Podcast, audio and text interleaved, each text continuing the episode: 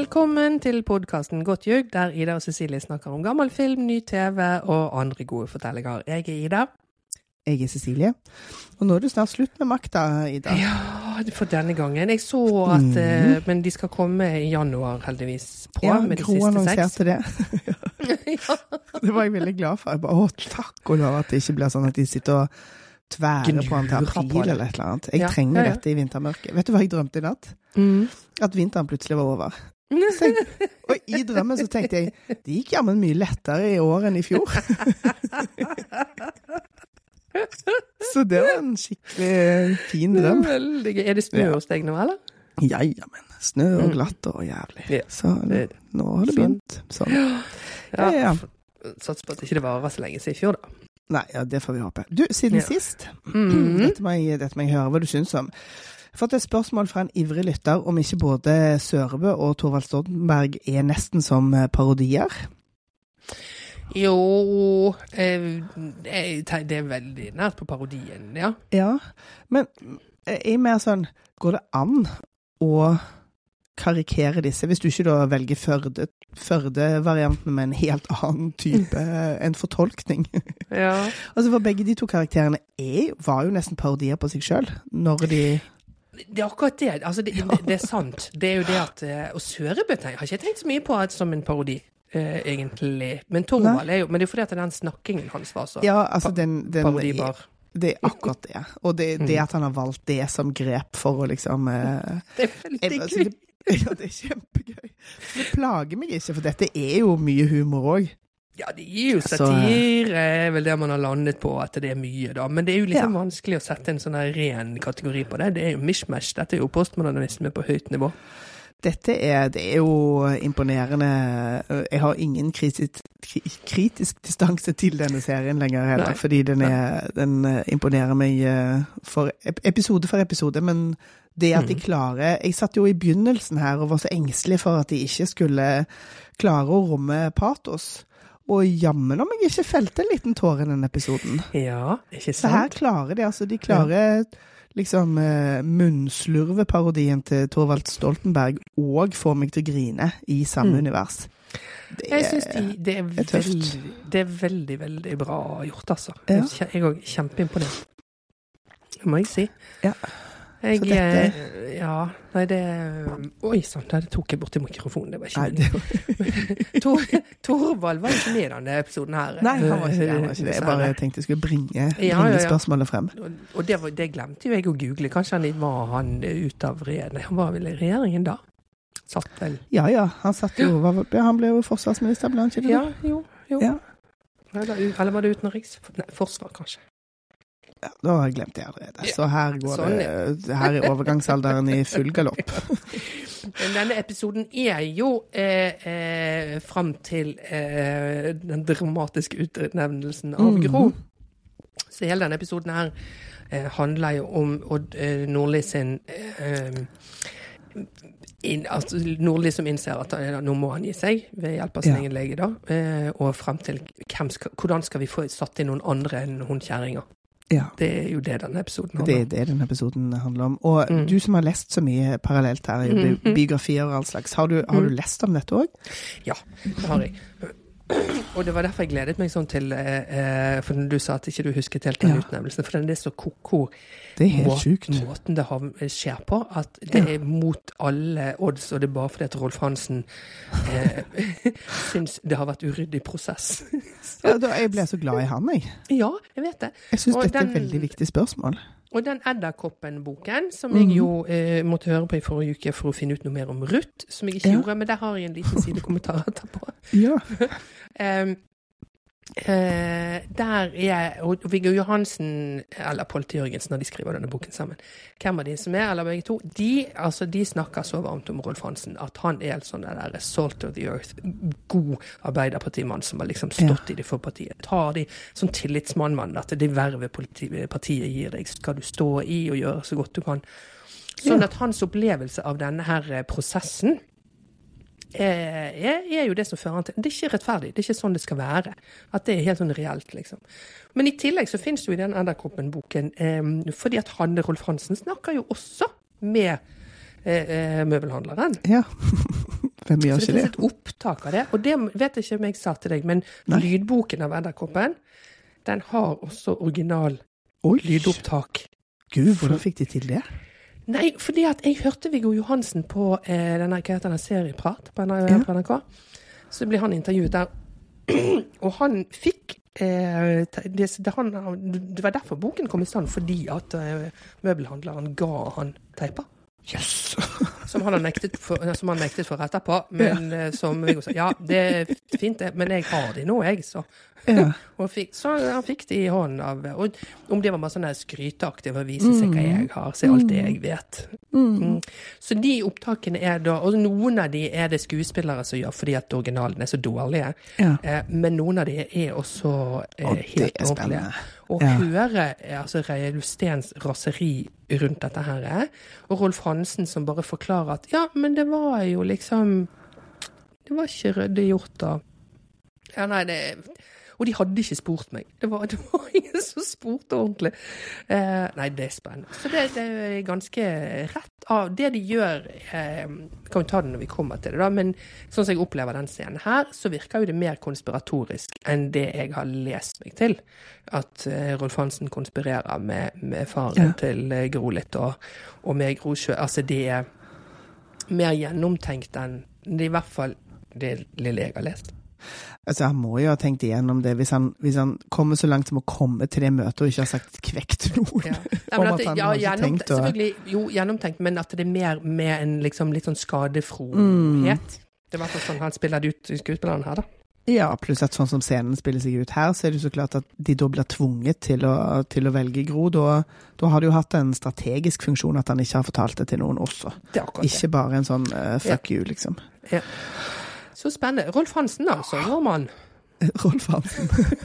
Han ble jo introdusert i episode én med en sånn eh, liten sånn tekst på, uh, på skjermen. Han, kommer, han blir viktig senere. det ble han. Ja, det blir det som møbelhandleren også sier. At Rolf Hansen, han du glemmer med en gang du har hørt navnet hans. Og Ja. det, er jo, det er jo helt sant. Det er jo det som er det er jo det som er det geniale med at de tror at de skal velge han bare som en sånn beleilig mellomfigur, og så snur han rundt og eh, vil ikke være det. Han, Ja, nettopp. Det veldig, veldig gøy, altså.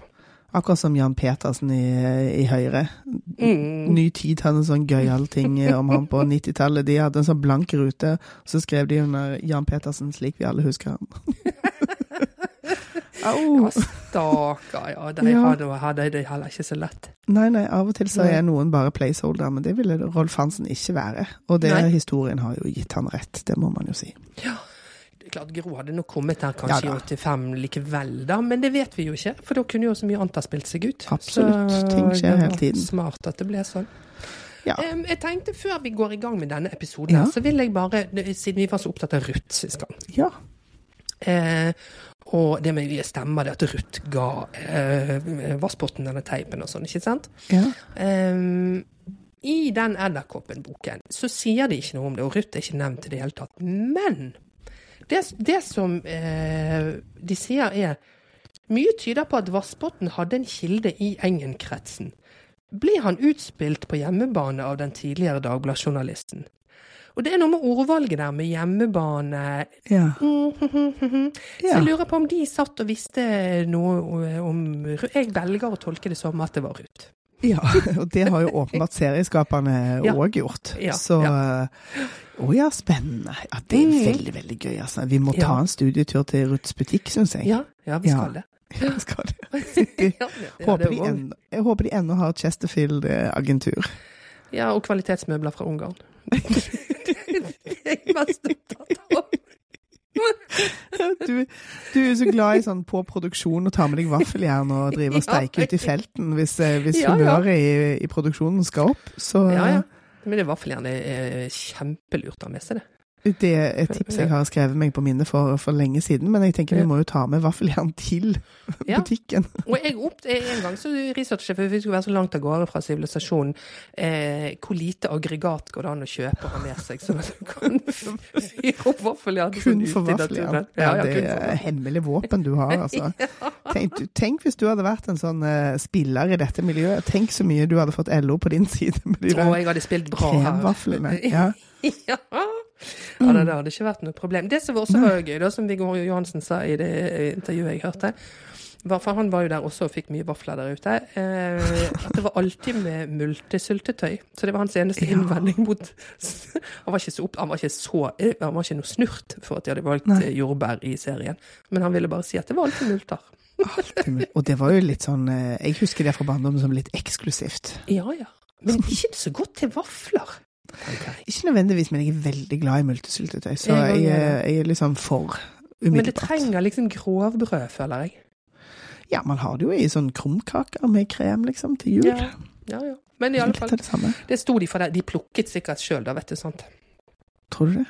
Ja.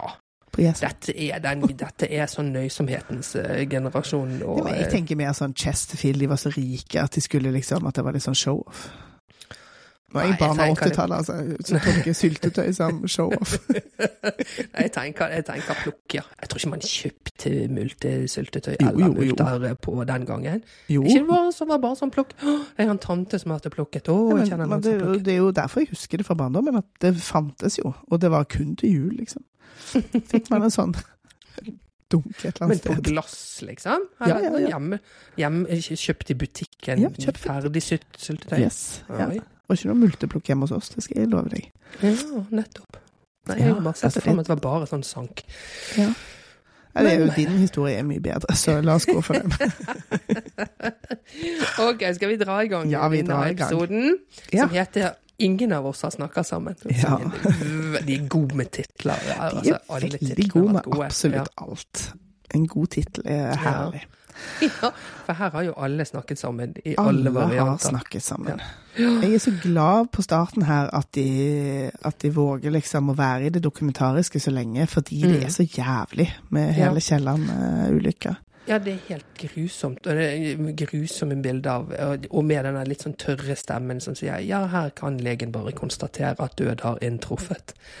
Ja, pluss at alle på liksom, billedsiden der er så utrolig happy, så det er en veldig eh, dissonans i formidlingen. formidlingen. Men det, det, det må jo være nyhetsbilder sånn rett av. Hvis ikke Ja. hadde det vært meningsløst å bringe Ja. de her. Fy faen. Ja, det er en forferdelig sak. Altså, jeg, jeg, jeg måtte jo google ganske mye Kielland i går, eh, Ja, det ble klart. tull for meg òg.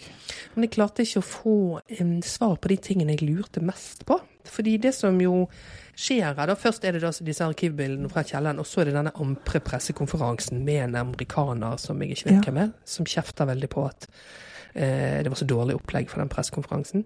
Ja, jeg fant heller ikke ut av den der, for de refererer til han. Jeg antar at det er han. Ja, og det er jo Det var jo mye amerikanske selskaper i Ja. eh, svinget nede der, og dette igjen, da. Jeg nevner jo til det kjedsommelige Lykkeland, men eh, Ja, det, som jeg også ser på som en dokumentarserie. Definitivt. Men hvordan liksom hele den cowboyvirksomheten som foregikk i Stavanger på det tidspunktet. Ja. Men eh, etter det så er jo vignetten, og så er det jo en rogalending som dukker opp i resepsjonen og sier at han har en avtale med Røe Ulfsten. Uh, og der da han representerer de etterlatte, har en bror som er dødd der. Og Ja. han sjekket seg opp i, han heter Kian, eh, eller han heter uh, Odd Christian Reme. Ja. Er fremdeles uh, leder for Kielland-nettverket. ja. Er prest og sånn, eh, Arbeiderpartimann. Ja, kjent ansikt syns jeg han hadde. Men jeg kan ikke huske navnet hans for noe. Skuespilleren. Skuespilleren? Nei, nei, jeg googlet han. Han Ja, ja, den ja. virkelige. Nei, men han har jo vært i, i alle sånne Kielland-sammenhenger. Ja, det er vel derfor da. Og det er jo ditt nærområde også, ja, jeg, jeg jobbet jo i olja ti, mm. ti år etter dette, fordi mor mi Mm. jobbet, jobbet der. Um, og det var cowboy da òg, men det var jo ikke så klart ikke, ikke samme tilstander. Men jeg må eh, Altså, tenk at, tenk at de bare senka han. Mm. Altså sånn De snudde han jo først rundt Ja. og fikk han til land, og fikk, de fant jo bare seks stykker inni der. Ja. Og så dro de han ut til havs og senket han. ja eh, men tenk at de bare gjorde det, liksom. Mm. Altså det, er Det er jo ikke rart at man blir konspirasjonsaktig, da. At man får lyst til å si sånn å, det var, en, en, det var egentlig en bombe som gikk av. Da kan man jo tenke hva som helst da, når man ligger på 700 meters dyp. Ja, klart. Eh, Men altså, herregud. Dette er jo sånn eh, liksom, land vi ikke liker å sammenligne oss Mm. Holder på å skrote, skrote ned havet. Jeg ble jo litt sånn påminnet om den jævla fregatten som dere holdt på med når jeg drev og flytta hjem eh, for fem år siden. Den der Helge Ingstad. Ja. Og alt det der fram Jeg skjønte jo ikke På et tidspunkt så var jeg litt sånn Så trodde jeg at Helge Ingstad var Helge Lurås. Fordi at jeg, eh, jeg Når du bor i utlandet, så leser du liksom bare overskrifter, og så får du med deg nesten ingenting. Mm. Eh, men altså den, og så ble jeg sånn Gud, sank, senkte vi den òg til slutt, liksom? Men den ble jo da tatt opp og hugga opp fire år etter. Og det kosta 700 millioner kroner å berge Helge den. eh, Ingstad. Helge Ingstad. Ja. Den dro de jo til land og holdt på med, den. Ja. Hugget Ja. opp på Askøy i 2022 Mm. for Men- 700 millioner. Men før det så var det jo en sånn runde med at de hadde den til land, for de driver og undersøkte og holdt på og sånn. For å berge denne båten og sånn. For jeg møtte jo tilfeldigvis på, det må ha vært i mm, 2018, når var det han sank? Den Denne. sank i 2018. Ja, eh, og det må ha vært seinere på det året der. Så var jeg i Bergen med min tilkommende ektemann, og vi var innom sjøboden av sånne helt uh, sentimentale årsaker. For jeg elsket sjøboden som barn, og det har Eller ikke som barn, men som ungt menneske som gikk ut. Jeg Elsker det fremdeles. Det er så rai-rai-stemningen på det. Og der havnet vi på et bord med tre amerikanere som ble, som ble var så joviale og spanderte runder på runder på runder. Som kunne fortelle at de var innflydd fra Amerika som sånne eksperter på sånn båtbergingsting. Og var ute på konsern og tjente inn i granskauen mye penger på å dulle rundt med denne båten. Så de var superhappy. Og hadde åpenbart så mye penger at å spandere rundevis i Norge ikke var noe problem. Dette forklarer jo hvorfor det kosta 700 millioner å Ja, berge den de båten. Da. ja, det var, sånn. det var de, og så var det noen uh, og, det, og mye hemmelighold fordi det var Forsvaret, Mm. forsvaret og, og alt det der. Eh, men jeg bare tenker, hvis den kosta 700 millioner å, å berge, og det var jo en helvetes styr om, eh, om hva man skulle Mm. gjøre med den, Mm. eh, sånn som jeg husker det. Ja da, det var, Ja. styr, det var det er alltid styr med sånt. Så tenker jeg at liksom, for 40 år siden og Alexander Kielland og altså Man trenger ikke være konspiratorisk for å skjønne hvorfor de bare tenkte åh, dette, dette har vi ikke råd til. Nei, ikke sant? Og det er jo Altså, det, det som er Fordi han Kian kommer jo tilbake seinere og snakker med Nordli, og han er jo Sånn som det er liksom Her så er jo det bare det med, med de etterlatte og få snudd båten. og og han sier jo også det er jo bra for granskningskommisjonen også, eh, sånn at vi får vite hva som har skjedd. Eh, og så er jo de veldig sånn visvassete og bare svarer ja, vi, skal, vi, vi lover å gjøre vårt ytterste og kondolerer og sånn. Men det er jo så mye. Én ting er jo det med de etterlatte, men hva, var grunnen? Det er jo mange mange som har så mye å skjule, som, som jo handler om økonomi til syvende og sist. Hvem skal ta regningen? Eh, og er, var det den franske sveisingen som var dårlig? Var det det elendige vedlikeholdet? Og de hadde jo bygd på den uten å liksom sjekke om det eh, holdt, liksom, og ikke hadde sjekket. Det er jo helt cowboy, hele greien. Liksom. Kun, det, er jo, det er jo en katastrofe som kunne vært unngått. Men i Ja. norsk offentlighet så fikk man jo etter hvert etablert den. Ja, det var den franske sveisen. Og så er det ikke egentlig det som er Det er i hvert fall ikke en enestående eh, årsak. Eh, men det var jo veldig beleilig, selvfølgelig. Jeg vil eh, se den her Kielland-dokumentaren som ligger på Ja. NRK, nei, på TV 2. Har ikke fått sett den ennå, jeg. Um, Jeg har så- sett den før, og den er Ja. veldig god. Den tror jeg jeg må se om igjen òg. Det Ja. er jo så oppdragende, denne serien. Altså, denne serien er jo en satirisk eh, informasjonskilde av, Ja. eh, av dimensjoner. Helt fantastisk. Er det så vi må se oss opp igjen på kjelleren. Ja, og Ja. det er jo altså Det er jo òg helt sjukt at Lykkeland kom for bare fem-seks år siden, Mm. og den dokumentaren kom i fjor. At dette er et helt sånn stengt kapittel for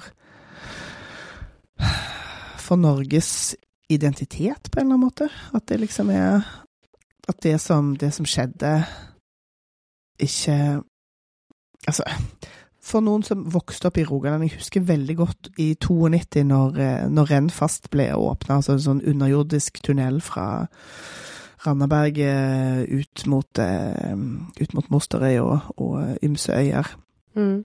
eh, utenfor Stavanger. Da husker jeg at da bodde jeg i Bergen, eh, og så hadde jeg sett eh, vet ikke, vet ikke hva som var først, om det var TV 2-nyhetene eller NRK-nyhetene, for den tunnelen på det tidspunktet var sånn Nord-Europas lengste, eller et eller annet. Eh, Mm. og det var jo Altså, jeg ble alltid litt sånn glad når et eller annet som berørte meg der jeg hadde vært, ble Ja, nevnt på nyhetene. sant? Hvis du ikke bodde i Oslo, så var ikke det sånn kjempeofte.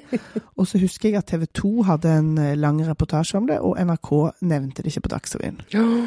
Eh, og denne følelsen av Mm. Hæ?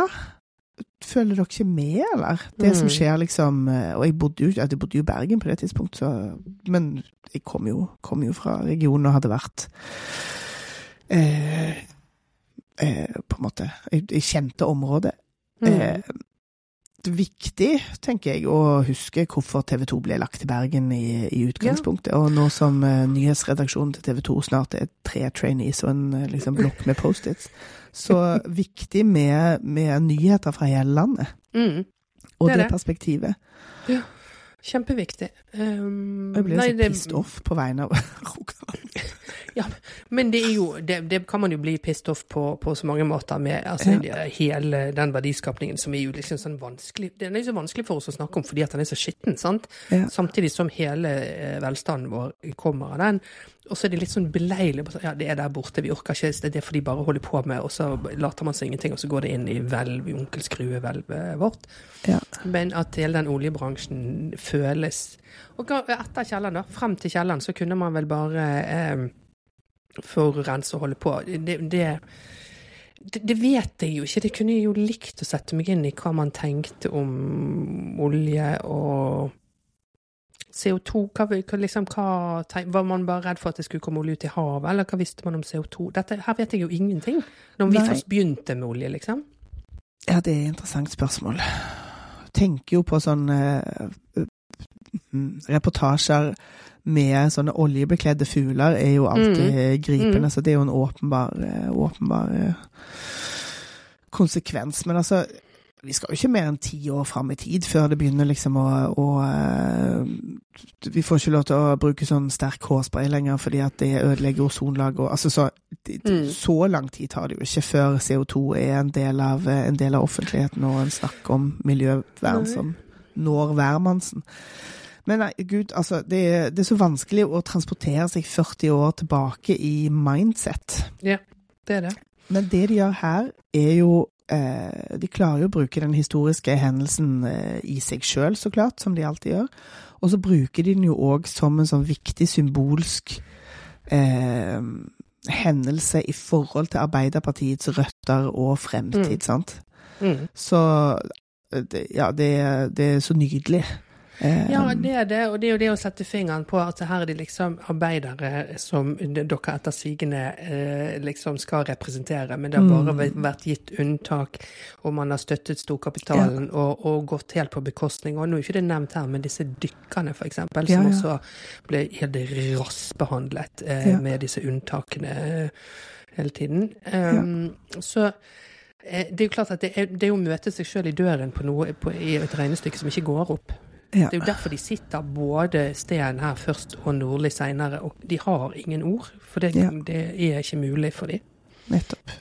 Og ingen av de blir jo liksom eh, på en måte tynget av, av ansvaret for dette i serieskapernes fremstilling, men, men eh, snarere tvert imot så, så fremstilles det jo som at de, at de gripes av det begge to. Eh, og det er jo kanskje enda, enda mer eh, effektivt som valg, kan man si. Mm. Nei, det var, det var, det var flott gjort. Ja, Mm. var. Og så er det et sånn, det, noe som de må ha tenkt fordi de tenker på alt. Men la du merke til det at, at um, eh, når det møtet er over, så, så eh, zoomer de inn på et bilde av Gerhardsen. Litt sånn Ja. u, med sånn uværent kamera og veldig Ja. tett på Gerhardsen. Og er det bare for å sparke inn 'dette er ikke lenger Gerhardsens eh, Norge'? Ja. Eller er det det? det, det, Det er absolutt. Jeg tenkte ikke på det første gangen jeg så episoden, men jeg tenkte på det andre gangen jeg så Mm. episoden. Um, og det, ja, det tenker jeg er en tydelig, en Mm. tydelig link til det som skal bli tematikken for den episoden uh, Mm. seinere. og det, det skjedde jo samtidig, så det er jo ikke en konstruksjon fra, fra film- eller fra serieskapernes side, men um, men de klarer jo å utnytte det. Igjen, jeg jo, elsker jo å sammenligne med, med The Crown, fordi jeg syns det er et godt eh, mål på, på eh, hva skal man si, melodrama og, og eh, symbolsk TV. Eh, og her syns jeg at de er helt oppe og eh, tenker jo at de hadde hatt en slags eh, Vi spiser pizza og ser den episoden med statsministeren. Jesus Christ, jeg er nå veldig forkjøla. Husker du hva jeg mener? Churchill. Herregud, det episoden av eh, The Crown med Churchill og det bildet. Ja. Eh, når han liksom går av og hele den Altså, dette er jo Churchill-episoden av makta. Mm. Mm. Fantastisk. Ja, det kan, ja. ja. Ja. Men det slutte å røre, nå må vi gå videre i, Ja. i scenene. Fordi, det, det, fordi at nå går vi jo altså etter alt dette veldig sobre og triste, og sånn, så går det over inn i scenen som jeg syns er ekstremt gøyal. Fordi at det Førde Førde eh, fordi du Åpenbart så tar Reiulf Steen opp dette med Førde, med dette Ja. løftet om fordi at Kian sitt også poenget sånn at hvorfor er dette ute på anbud? Hvorfor ikke er det Ja. regjeringen sitt ansvar? Slutt med å sette fuckings alt ut på anbud, liksom. Eh, og det eh, sier jo Steen også. Eh, ja, det har jo blitt Aps viktigste prinsipp det nå, hvis i tvil legger det ut på anbud, som jo eh, eh, Ja, OK, det begynte der. Det har de ikke sluttet med, for å si det sånn. Nei, jeg, skjønte ikke helt det der, jeg. Fordi at det er sånn Det er jo klart at noen må jo gjøre den jævla jobben. Så Ja, jo da, men at det er liksom Og amerikaner og all slags. Altså det, blir, det blir så langt strekk fram til makten og ansvaret, da. eh, Er vel ja.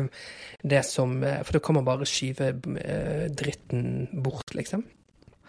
Ja, og det er veldig interessant, fordi at det at vi holder på med anbud for uh, I staten må du liksom ha en, må du ringe tre leverandører hvis du skal kjøpe en uh, pakke servietter. Mhm. Uh, det handler jo om helt andre ting, Mm. og EU-regler og transparens. Og, Så hele denne anbudsgreien forvirra meg voldsomt. Men det handler vel, det handler vel om at hele Nordsjøen var litt sånn halvveis vår og halvveis ikke. Ja, jeg tenker det. Ja. Eh, men eh, også driver de og holder på, jeg skjønner ikke helt det. Kan vi legge det over på Fiskeridepartementet og havneting og, og josse Mm. med det og føre det seg? Men nå er det jo sendt ut, og vi kan jo ikke det nå. og sånn. Men også har de sånn med å ringe Fiskeridepartementet. Og dette tror jeg kun fordi at navnet Bolle er så veldig gøy.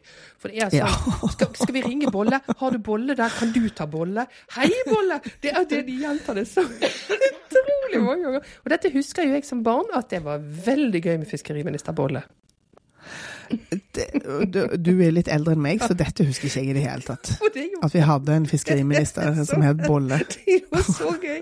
Så det, det det, er kudos til de for å bare ta den scenen som Ja, antakeligvis ja, bare, bare- er der bare kun for den gøyen. Ja, ja, ja. Herregud. Tenk han fikk mye dritt for det. Tenk han fikk mye hvit saus servert, liksom. Fiskeboller. Eh, nei, og, så den scenen er bare der for gøyen, tror jeg. Men så, eh, Ja. for, så kommer Leverås inn til sier til Sten at eh, du Oddvar vil eh, møte deg nå. Ja, ja.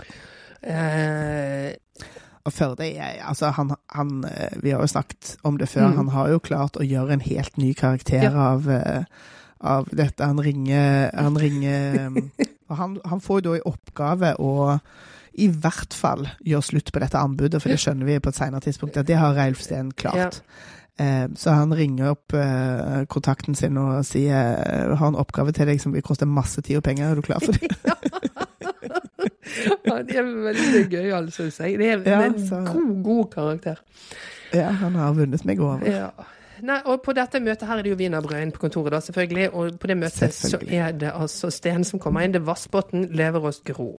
Og Oddvar sier at legen vil sykemelde han. Ja. Eh, og det, dere vet jo at jeg har hatt vondt i hodet og sånn. Og, der, og Gro spør da, eh, som er jo en fin måte å plante det på, har de sjekket om du har Hortens, som er den her ja. eh, selvmordshodepinen? Det skjønte jeg. Ja. Eh, og så veldig gøy av Gro som sitter og vifter vekk Sten sin piperøyk. For han sitter, og piperøyk husker jeg jo ganske jævlig, men han sitter og røyker liksom på henne. I hodet på henne. Helt sjukt. De er jo ikke venner lenger, har vi jo, på eh, husker vi jo. noen som helst måte. Eh, Men Nordli her vet Han har jo ikke helt kontroll her. Han liksom, vet ikke helt hva de har sjekket, og vet ikke helt hvor, hvor lenge det er. Det står bare her at Oddvar trenger ro og fred. og det som var, men det som var vel egentlig i den sykemeldingen som jeg har lest, var at legen ville sykemelde han i to måneder. Og at det da var åpenbart at to måneder går ikke an å være borte. Nei, det går ikke. Eh, Nei, jeg måtte slå opp hvor lenge Bondevik var, mm. var sykemeldt i 98. fordi det var jo òg fordi at det var psykisk helse, så, ble det jo, så var det Mhm. et spesielt eh, tilfelle. Men det at han forsvant så lenge, han var vekke i fire uker. Ja, ikke sant? Og han, jeg tror han ble sykemeldt en gang til òg, men eh, Ja, det kan kortere. Ja, for Den første sykemeldingen hans var en uke, så jeg et sted. Liksom den første som kom, og så ble den forlenget og forlenget, da. Ja. Og så ble den forlenget mm. til Og en, en måned er jo Ja, det er jo spesielt, liksom, når, når, man, er, når man er leder for landet. Så, så tenker jo at den At han var så åpen der, har eh, brutt mange barrierer. Mm. Men, men da går jo Leverås går jo rett i, er ikke det grunnlovsstridig? Ja, og det prøvde Eh, jeg å google. her-. Her ga jeg opp googlingen min. Jeg klarte ikke å finne ut av dette. Jeg skjønner ikke helt det spørsmålet, egentlig, fordi at regjeringen er jo utnevnt av kongen som, som den utøvende hånden, sånn Mm. at jeg skjønner ikke helt Skjønner ikke helt hvordan det skal Men OK, jeg er jo ikke jurist, og det er åpenbart at ingen i dette rommet heller er jurist, for alle bare? Nei, jeg vet ikke. Ja, det kan være bare jeg lever og slenger det ut at det er ment for å være Hvor dum går det an å være, liksom? Jeg vet ikke. Nei, nei, nei, nei, nei, nei, nei, det er ikke sånn jeg mener det. Men, eh, men det er bare igjen så er det Det er jo veldig gøy at de gjør det sånn. Mm. At det er bare de som er i det rommet. Men selv når det bare var de i det rommet på det tidspunktet, så må de jo ha hatt med seg rådgiver. Ja, det, og så er det jo det at de eh, ikke klarer eh, og, altså Ingen av de klarer liksom, ja, men Hvem skal da ta over? Skal noen ta over? Altså Det er åpenbart ikke liksom tenkt en tanke her, da, sånn som de fremstiller Nei. det her, da. Med hvem skal da ta over? Eh, hvem skal gjøre jobben, liksom? Eh, Ja. For det er jo det som blir For det er jo det eh, Raul Steen blir så rasende Altså, dette møtet er helt fantastisk.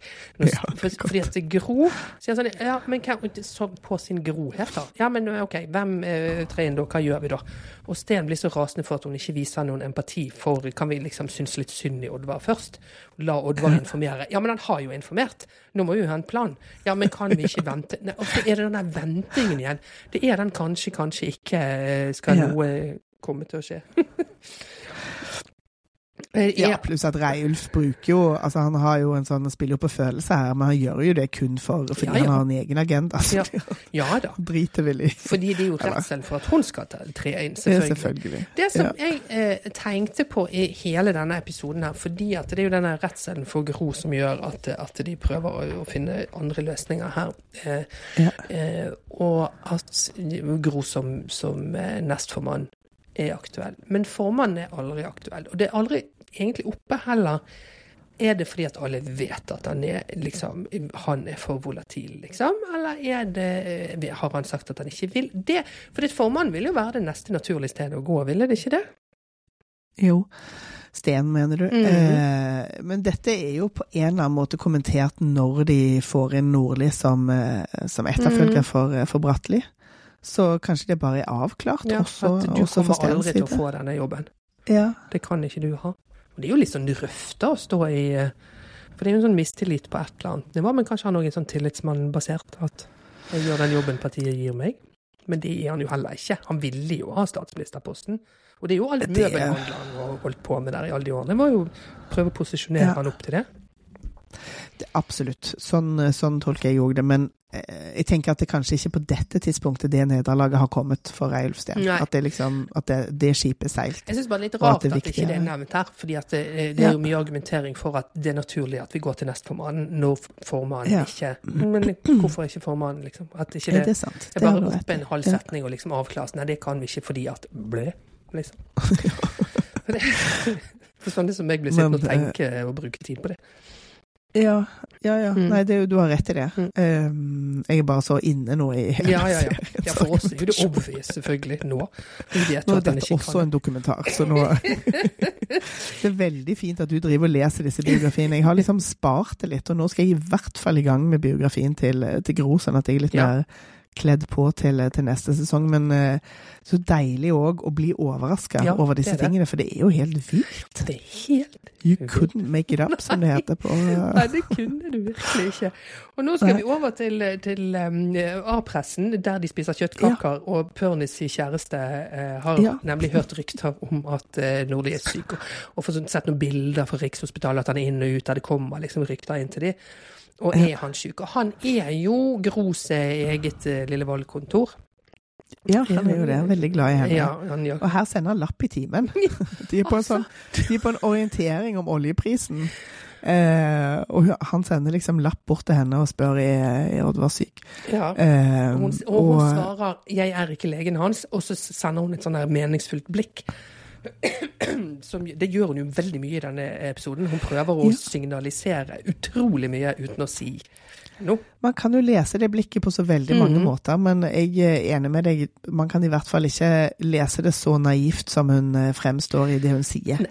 Nei. så det er jo briljant, og det òg, tenker jeg, kanskje knytta til eh, til eh, karakteren som kvinne, på en eller annen måte. Fordi at det er jo sånn I dette universet, som kvinne i denne maktbastionen, så har du Du har begrensa eh, måter å navigere på. Mm. Fordi det er litt sånn damn if you do, damn if you don't. Ja. sant? Eh, Så det med, det med blikk og det å jobbe sånn subtilt er, er en gøy måte å Mm. utforske. Eh, Ja, absolutt. mm. Veldig gøy med sånne lapper lapp i klassen. Men det som jeg da havnet jo i et annet hull her, da, fordi at denne her eh, foredragsholderen som snakker om oljeprisen og sånn, og prognoser er fremover Fordi han Ja. snakker om euroområdet. I 1980 Ja. tror ikke jeg euroområdet fantes. Nei, for det het jo Eky det lenge, lenge. Ja. Men det, dette er jo en av de tingene der de bare liksom Og de vil gjøre det så enkelt for oss å forstå, Ja. og så gjør det at da bruker man tre kvarter på å google det, da. Takk skal du ha. Ja da, det gjorde jeg da, iallfall. Og så er det, selv om de akkurat nettopp spilte, spiste kjøttkaker, så spiser de kebab på veien tilbake. Han er kollegaen til uh, Jacobsen, som jeg Ja. ikke har fått et navn på. Har vi hørt hva han Nei. heter? Nei. Nei, Han må jo også være liksom en kjent figur, jeg ville tro, i, i den A-pressen. Ja. eh, Arbeiderbladet den gangen. Men også, og det er så gøy, for de går sånn kjempefort gjennom byen mens han prøver å spise kebab. Og det Ja. sånn løpende spising. Ja. Det lo jeg veldig godt av. ja, det er mye spising her. Ja, ikke sant. Så han, han er andre journalisten som ikke vi har navnet på. Han, Jacobsen ber han om å holde øye med Sten og Nordli, Mm. og se eh, liksom hva det er som eh, foregår her. Ja. Eh, kutt til Sten og Nordli. ja, de går òg tur De går tur. i parken. Brukte jeg Det er jo ikke så rart. Han er jo så redd for uh, avlytting, Nordli. ja. Han har jo instruert alle om at det, ingenting av dette må komme ut i pressen. Mm. Eh, lykke til med det. ja. Eh, I et møte der du har Sten med. Det er jo Ja. ja, det er optimistisk tenkt. Her brukte jeg så mye tid på å se om de var i Botanisk hage. Trodde det lenge. Um, Ja. Fremdeles ikke sikker på om de har klippet sammen to hager her. Fordi at de ender opp på den turen, så ender de opp liksom på toppen av Tøyen. Eh, og det, jeg tror det der, og grunnen til at jeg ikke kjente det igjen, er at oppå toppen der så er det sånn hundepark. Så der går jeg aldri, for det er masse løse hunder. Ja, ja. Det, det er jo ikke jeg. For dette er jo mitt nærområde Det her. Jeg driver og går tur, Ja. men det der er en sånn svart flekk for meg, som jeg unngår så mye jeg kan. det er veldig synd da, at hunde, hundefolket skal få lov til å ha den fine utsikten for seg sjøl. Ja, men uh, i alle fall. For dette, det, det, og det gir jo mening etter, etter at de står og ser ned på, uh, mot øyen og Carl Berner der. Men um, Ja. fordi Og så sier Sten ja, jeg trengte litt frisk luft, jeg. Og Nordli sier kaller du dette luft?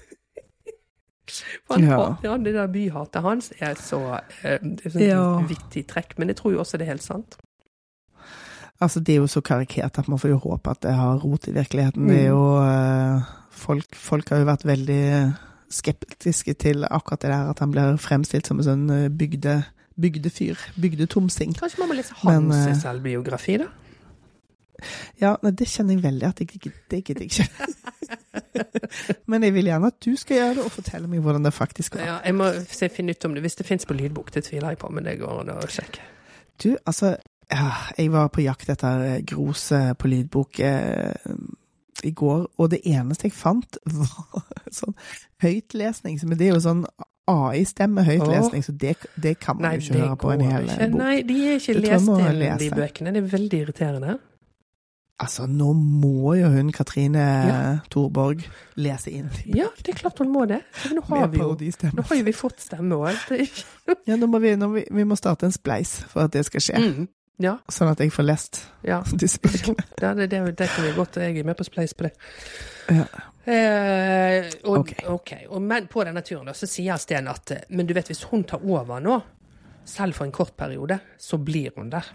Altså Den redselen for at Gro skal inn i den jobben, den er så hard. Og for, for Sten så er det jo én ting at han hater henne, han hater henne jo av flere grunner, men det er jo for hans del den veien han ikke vil at partiet skal gå. Mot en sånn høyredreining som han ikke vil ha. I tillegg til at han Ja. hater henne som person også. Men Ja, og det, denne episoden eh, om litt skal jo på en måte argumentere ganske godt for at han hadde på en måte en helhetlig ideologisk Mm. tanke. Ikke bare en sånn venstre-høyre-greie, men eh, mm. Ehm, så, så det blir jo, det blir jo viktig. Ehm, og viktigere i denne scenen er jo òg at Nordli konfronteres Ja. Sten med at du, jeg vet, jeg har hørt denne teipen Ja. der dere forsøker å bli kvitt meg. Ja.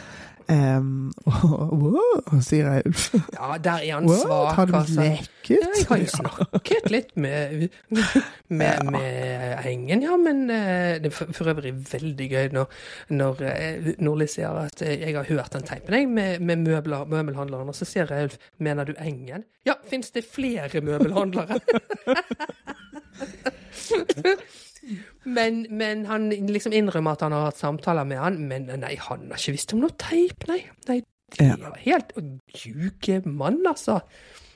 Ja, ja, og jeg ble tvunget som formann. Jeg ble tvunget til å ha denne samtalen Ja, ja, på samme måten som du har blitt tvunget til å ha denne samtalen med meg nå, om Gro. Mm. Man bare, ok. Men Nordli er eh, Nordli Han jeg bare si gidder ikke mer. Bare Gå og gjør jobben din. gå og gjør jobben din. Eh, Ja.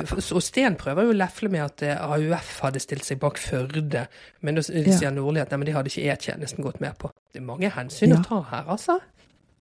Absolutt, men vet du noe om det? Nei, Hva- det, det, det hullet valgte jeg Eller å var det bare fordi det var mye drikk og hår med han, liksom? Ja, jeg vet ikke. Så fare for rikets sikkerhet. det kan være. Jeg vet ikke. Det er òg spennende. Ja, det er veldig gøy. Men kanskje finne ut av det òg. Ja, det var vanskelig å google. Ja, jeg syns det var veldig mye som var vanskelig å google. Det var ingenting som hadde sånne Ja. åpenbare svar, så du måtte liksom Nei, videre, vi må videre, høre på. Aftenpodden. uh, nei, og så sier Sten, og dette er altså så sleipt ja, Hvis ikke vi velger Gro, så må vi velge en der vi kan vise til at det er en som har erfaring. Det er det som må være argumentet for at ikke det blir henne. Mm. Og at de må ha med LO. Um, Mm. Så, fordi at de, hun er jo et åpenbart valg. Ja. Eh, selvfølgelig. Eh, Ja. Nei, og det er um, Så i hvert fall så går eh, altså Oddvar når han sier sånn Ja, gå og gjør jobben din, liksom. Mm. Eh, Så kommer vår venn eh, Ja. Arvid Engen tilbake. Ja. Han har jo en eh, Plutselig så Ja. hopper han i, inn som Mm. forteller og voice og gående kommentator. ja, for her er han jo ikke seg sjøl før helt på slutten, liksom. Her snakker han veldig svulstig og veldig sånn opplest om Sten sin mm, sitt ja, syn på framtiden og partiet og alt. Og det er veldig sånn tydelig brudd med hvordan Engen har vært fram til nå. Ja, Eh. det er sant. Han, I og for seg så taler han jo litt sånn uh, Stens sak, men du har helt Mm. rett, det er jo ikke, han er ikke i karakter.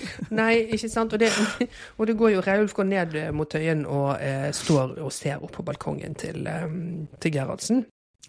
Altså, jeg må bare pause og si, fordi at nå skal vi snakke oss gjennom hele denne Ja. scenen, men denne scenen Ja. i seg sjøl Ja. er jo helt fantastisk, fordi at den liksom snakker om Arbeiderpartiets krise på dette tidspunktet med og, og på, på bildet så ser vi Reulf Steen løpe etter Gerhardsen Ja. og miste han av syn. Ja.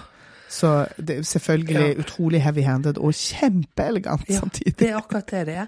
Og jeg måtte slå her, for jeg var litt sånn usikker på vi er kanskje Gerhardsen død på dette tidspunktet. At han det er liksom et spøkelse han driver og løper etter. I ref The Crown, liksom. Eh, Ja. Men eh, nei, det var han ikke. Nei, Han døde ikke før i 89, tror jeg. 89, herregud, jeg husker ikke engang. Nei. Det er jo så viktig, spennende, for jeg husker jo nesten ingenting av de der bøkene jeg drev og leste om alt dette på, på 80-tallet. Men det eneste jeg husker, var at Håkon Lie liksom, hadde en finger med i alt. Ja.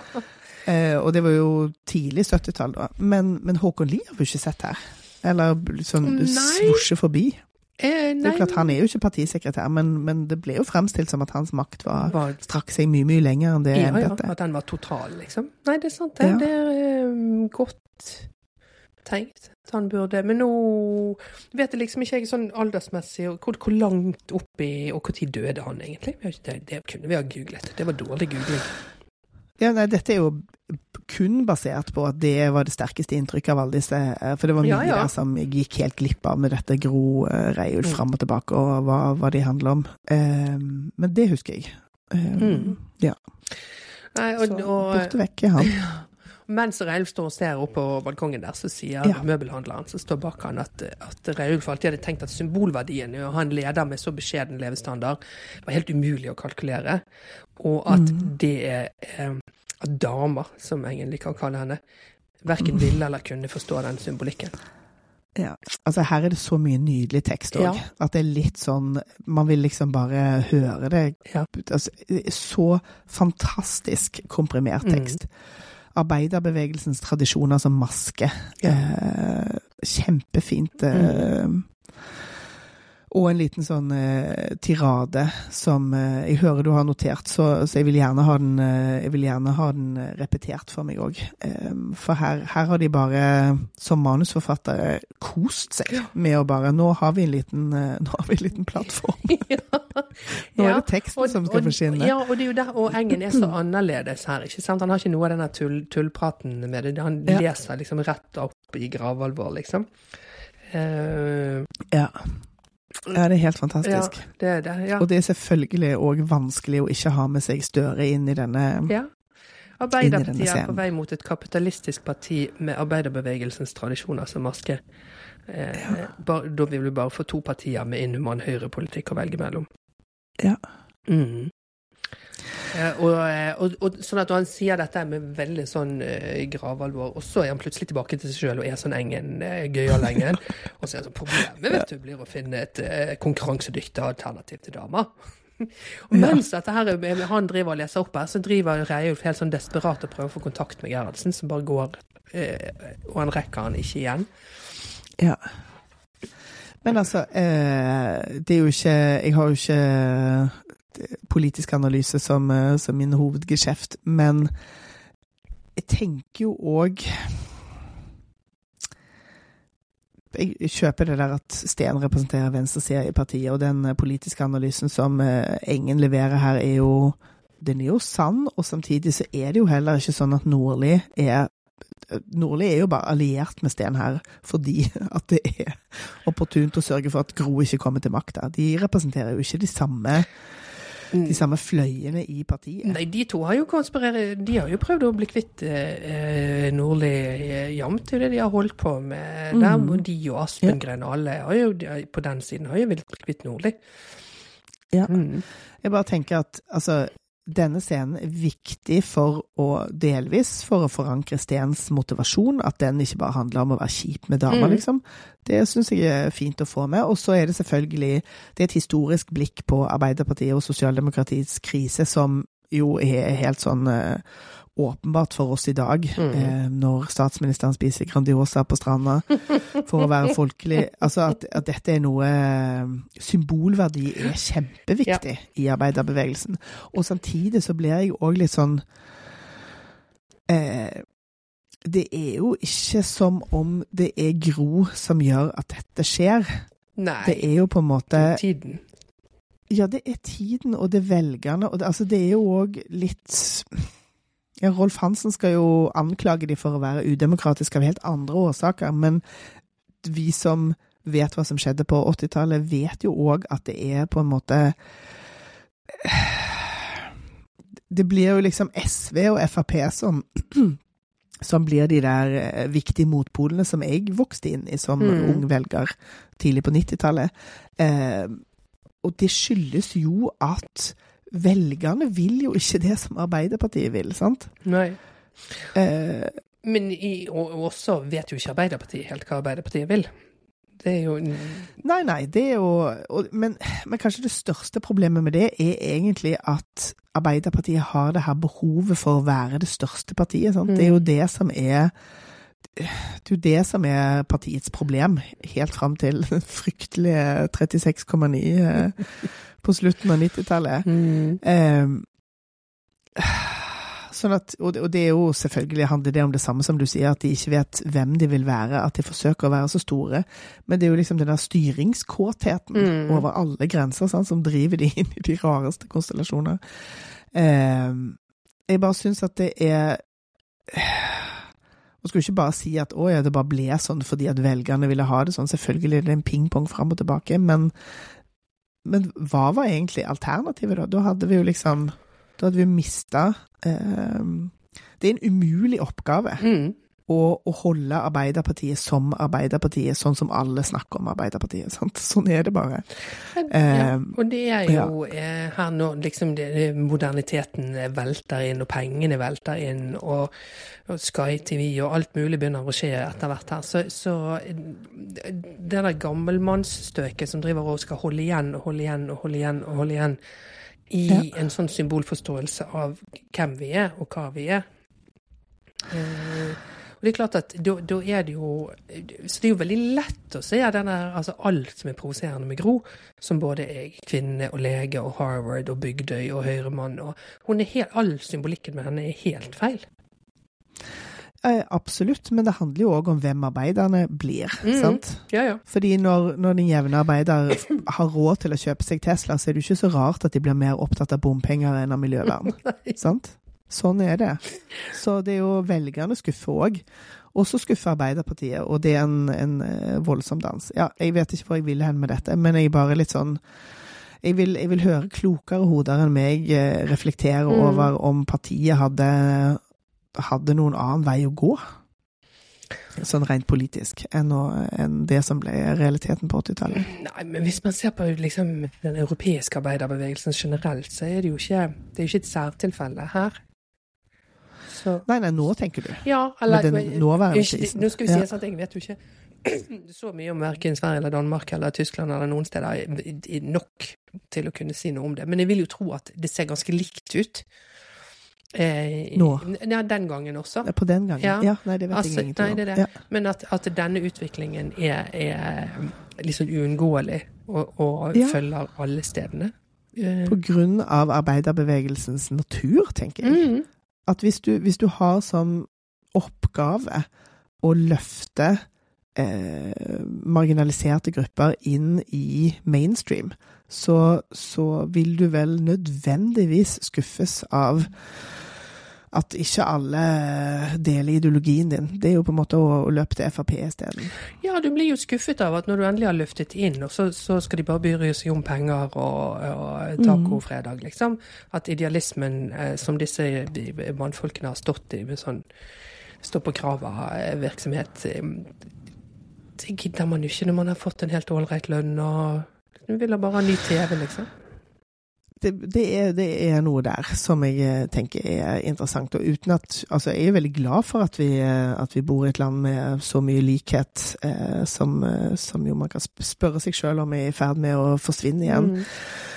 Ikke minst fordi at det er kremlaget av arbeiderklassen som fikk lov til å ha den, eh, den reisen. Det inkluderer jo heller ikke alle. Inkluderer ikke store deler av arbeiderbevegelsen. Inkluderer ikke alle de gjestearbeiderne som LO er mest opptatt av å presse ut, liksom. Mm. Inkluderer ikke kulturlivet, som vi på en måte er en del av. Mm. Der det er utrolig dårlige arbeidsvilkår og dårlig lønn. Så det er på en måte en eh, For meg som ikke er Arbeiderparti-velger, så er det òg en falskhet i den, eh, i den eh, drømmen som bare klinger så voldsomt hult, samtidig som jeg tenker at den analysen er helt korrekt. Ja. så det er, en, det er en cocktail av følelser Ja. denne serien skaper i meg. Ja. det, det det som er så Thank you for coming to my TED Talk. Vi kan gå videre. Vi går videre. Fordi at det Engen eh, da sier etter eh, liksom, hva er alternativet til eh, damer. Og, og det er da han sier dette med at og når det eneste alternativet er en mann alle har glemt til det de har hørt navnet hans, så blir det jo litt, litt vanskelig. Kutt Ja. til en dør med skilt. Rolf Hansen. Yes. Her kommer- Og her kommer LO. Ja, her kommer LO. Her kommer Aspengren snikende og sier at hvis vi på et tidspunkt i fremtiden trenger en til å ta over som statsminister, er du klar for oppgaven? Mm. Hvorpå Rolf Hansen svarer ja, hvis ikke det er noen andre, så Og der kommer dette Viggo mm. Johansen, eller som i Edderkoppen skisserer opp, at han er en sånn klassisk tillitsmann. Det er den oppgaven partiet gir meg, tar jeg. Men Ja. med the caveat hvis ingen andre. Ja. Og det er jo her Aspengren brenner seg. For han tror dette er et ja, han. Og han sitter jo og, og, Ja. og, og hvem har fortalt til Aspengren ikke sant, at dette trenger vi nå? For han var jo ikke i det møtet. Nei, men det, det er jo tydelig for oss, så klart. Fordi at Mm. Nordli og Steen nettopp har sagt at vi må ha med oss LO, Ja. så er det jo Ikke sant? de som har konspirert Så om dette. sonderer de med oss, er det vel litt sånn eh, Fordi at alt skal være så hemmelig, så det er Aspengren for jobben med å være sånn der skjult agent. Da må jeg inn og spørre, fordi Ja. at eh, eh, det, Man begynner jo å lure. Ja, hva er det som skjer da? Skal, er er Nordli syk? Er det liksom hva er det som foregår? For han Ingjald eh, hva heter han, Sørheim Ørbekk Sørheim, han kommer snikende Ja. inn som er statssekretær for Rolf Hansen. Og Ja. hører denne samtalen. Og han jo Han blir jo Gro sin statssekretær Ja. i denne regjeringen. Han er i fanklubben hennes. Ja, ja, han, ser, han ser i hvert fall henne som et uh, skip han kan hekte sin, uh, Ja. Sin skjeppe. Ja.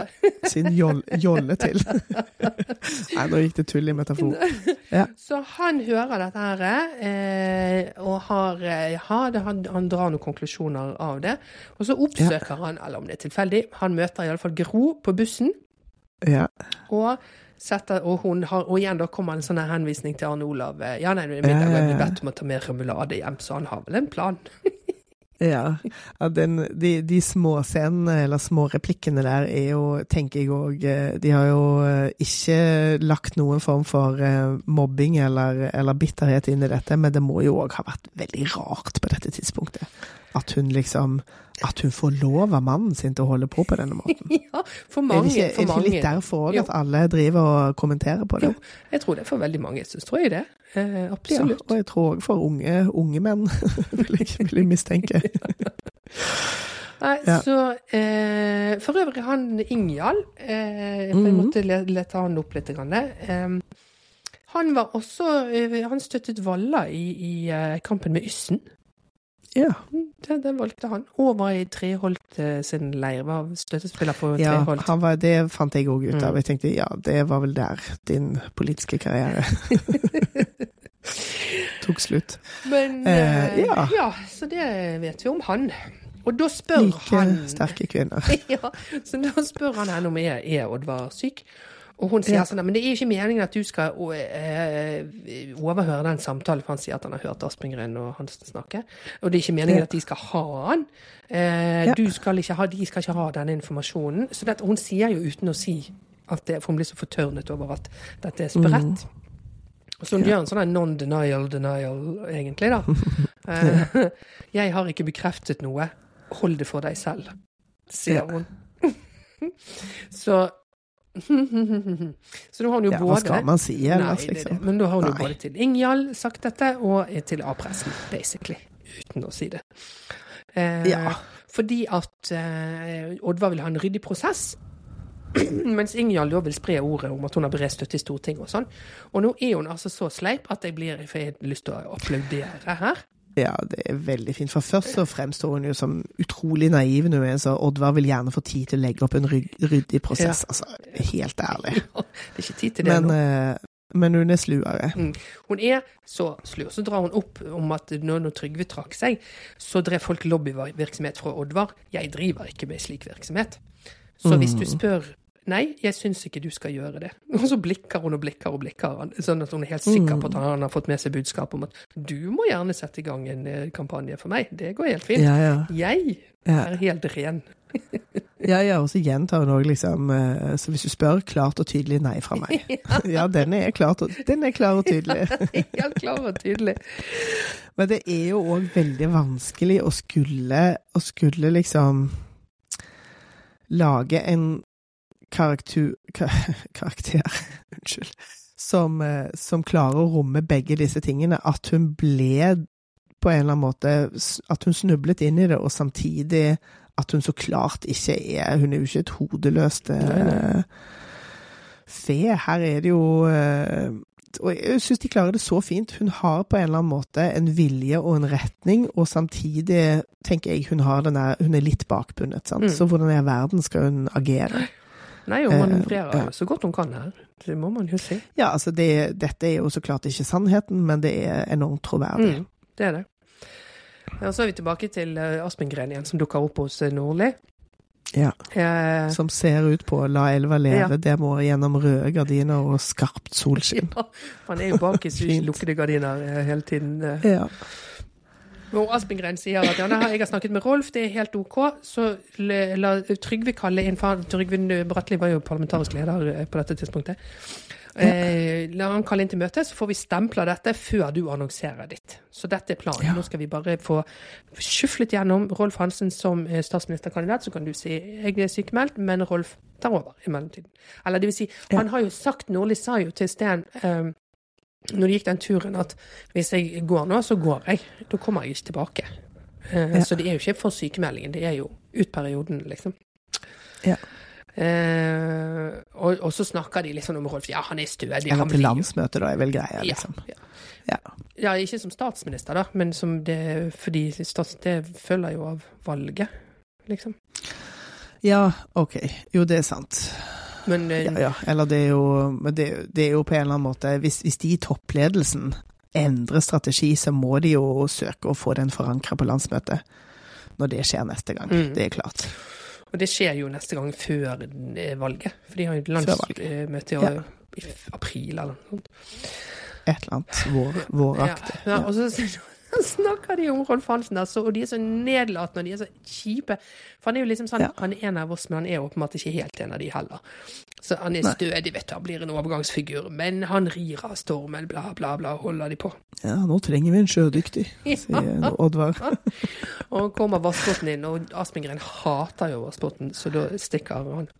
For han eh, Altså, han hveser snegle til han. Jeg vet ikke hvor Eh, snegle akkurat. Jo, jeg tenker at det er så slimspor. Ja. Fordi først så tenker jeg sånn, her er han sakte, han er jo egentlig ganske sånn kjapp spiller. Og han hater Aspengren. Jeg det er det det er jo det der hatet med at han ble utnevnt som statssekretær fordi at han både kom fra pressen, som var Det er jo sleipt, liksom. Eh, kanskje det er det? Sleipt? Um, og Ja, at slimspor. Ja, nettopp. Ja. Og det at han ikke var medlem i partiet. ikke sant? Så det, det var Aspengren gikk Ja, jeg måtte google dette, det fordi jeg tenkte sånn snegler var så spesifikt at jeg tenkte det, det er en sånn som faktisk kan ha Klarte ikke å få bekrefta det, men, men jeg fikk i hvert fall òg bekrefta at Aspengren øh, ikke likte at Vassbotn hadde vært veldig kritisk til Arbeiderpartiet. Så det, og det henger så klart sammen med at han ikke var leder, men også at han var liksom en, ja, en fiende. Absolutt. Eh, og så blir, kommer, for det, det Vassbotn kommer inn for å si, er at du har Kielland-møte her nå, og det har han glemt at han har. Så da får han møte han Kian også. Og det er jo liksom Han kommer jo med Ja. av det samme, men det er jo ingenting som skjer, og Reiulf lovet Og Nordli ser helt sånn crestfallen ut uh, gjennom hele dette Ja. møtet. Um, Ja, nå får, nå får vi jo vite da at Reiulf klarte å stoppe det der anbudstøyset. Men uh, uansett så skjer det ingenting, og vraket bare ligger der. Og dette Jeg var nødt til å kikke på når, når senket de det endelig, uh, og det var i 83. Og det Jeg vet ikke om jeg sa det forrige gang, men jeg har sånn barndomsminne av at faren min pekte ut mot uh, havet og sa 'der ligger Alexander Kielland'. Og jeg trodde lenge at at det var dikteren som, som drukna. Fordi at det står en, det står en eh, statue av Kielland eh, i Stavanger, og så, sånn som jeg husker det, dette er jo en tiåringsminne, eh, eller ti, det kan jo være seinere òg. så, så liksom pekte han på statuen, og så pekte han ut mot havet, og så sa han 'der ligger Alexander eh, Kielland'. ja, det blir jo forvirrende, Og det gir jo voldsom mening i 83, eller den neste gangen Mm. vi var i Stavanger. Det var ikke hver helg. Mm. Eh, men jeg har jo vært så forvirra det kan jo ikke ha vært, Dette minnet kan jo ikke ha vært fra jeg var sju år, men det selvfølgelig når de, når de senket Mm. plattformen. Så gir det jo mening å Mm. si 'der ligger Ja. Alexander Kielland'. Så sånn må det jo ha Ja, vært. rett og slett. Ja. Ja, ja. Nei, så, okay, Men han er god, han eh, Kian. Ja, og han er jo liksom, han er jo en partimann òg, så han er jo veldig Han er jo, han er jo veldig sånn saklig sint. Altså han er jo ikke Mm. han er jo ikke en fra, fra utsiden, på en måte. Men Nei, han er liksom, ikke en kritiker, han er skuffa. Ja, veldig skuffet. Ja. Men sånn, hvorfor holder dere på sånn? Det er ingen som tar ansvar, det er ingen som beklager, det skjer ingenting. Liksom, slutt, bare. Ja. Så ja, Ja. han er skuffet eh, partimann, rett og slett, er han. Ja, og den eh, konspirasjonen som han eh, peker på, som du var inne på tidligere, den handler jo ikke nødvendigvis om at noen har liksom eh, sabotert plattformen, men at man har konspirert for å legge lokk på. Yeah. Det er jo åpenbart at her, dette kan vi ikke rote oss ned i, liksom. Her må vi bare si at dette kan ingen klandres for, dette er så komplekst. Vi, de vil vel heller ikke begynne å rock the boat med, med oljeeventyr? Nei, det er liksom? ikke de vil det. Da er det jo veldig beleilig å kunne si at dette var, dette var bare en ulykke. Det var en sveiser i Frankrike, så det er en dårlig dag på jobben. Og, og, og dette skal aldri skje igjen. Det var bare en ulykke, liksom. Det var ikke noe Ja. det, det, Alt det rundt den ulykken, altså alle de forutsetningene som er politiske, eh, som gjør at denne ulykken skjer, med alle disse unntakene, med hele den cowboyvirksomheten og manglende kontrollen, det er jo det som er beleilig å eh, prøve å underslå, selvfølgelig. Ja, Ja, og så sier han at, at ikke Arbeiderpartiet kan ta ansvar, og det tenker jeg er litt sånn òg sånn Mm. nådestøtet, sant. Mm. Fordi at det er Hvis det er noe Arbeiderpartiet sliter med, så er det jo den her eh, litt sånn urimelige lysten til å ta ansvar. så det og, og, det og i denne scenen så treffer jo det Nordli eh, tungt. Mm.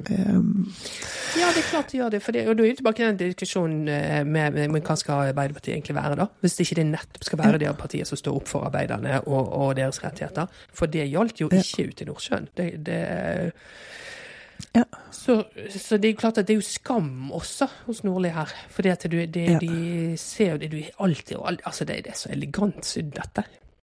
Ja, det er at de vever dette sammen på denne måten, Mm. er Ja, hå- hårene reiser seg på, Mm. på armen. Ja. Er veldig fint. Men nå har kjæresten til Perny fått eh, fert. Og de har fått sånn politivegg med sånne røde tråder Ja. mellom ulike bilder og sånn. Og så så- altså det syns jeg var så fantastisk, for de har et sånn svart-hvitt-bilde av Nordli som kommer ut eh, sammen med Vassbotn og en lege ut av sykehuset, eh, som er liksom så, tatt av sånn spionkamera. Men ser du at det er helt likt som det Treholt-bildet i Wien? Oh, De, kom, de det var går liksom sånn på samme Ja, ja, ja. måten, og er tatt sånn på avstand og sånn. Altså, de, de, jeg blir så smilfull av det, altså. Jeg blir varm Ja, det er akkurat det. Det er sånne bitte små gaver sant? Ja. til, eh, til den årvåkne seer. Det er veldig fint. Så gøy. Og der har de funnet, og Jacobsen har funnet ut at Hedmark holder fylkesmannjobben ledig. Og da kan man jo tenke Ja. sitt eh, med De sier fylkesmann her, og så sier de fylkesting seinere, så jeg ble litt, eh, ble litt eh, overrasket. Fylkesmann høres jo mer eh, det, det kan man jo faktisk velge å ansette, så fylkestinget må vel liksom velges? Ja, men han er fylkesmann Altså, hva mener du? Ja, de sier fylkesting seinere. Fylkestings... Når Jacobsen- Hva da? Fylkestings... Fylkestingstol. Ja, men det er vel sjef, altså sjefsjobben der er vel fylkesmannen?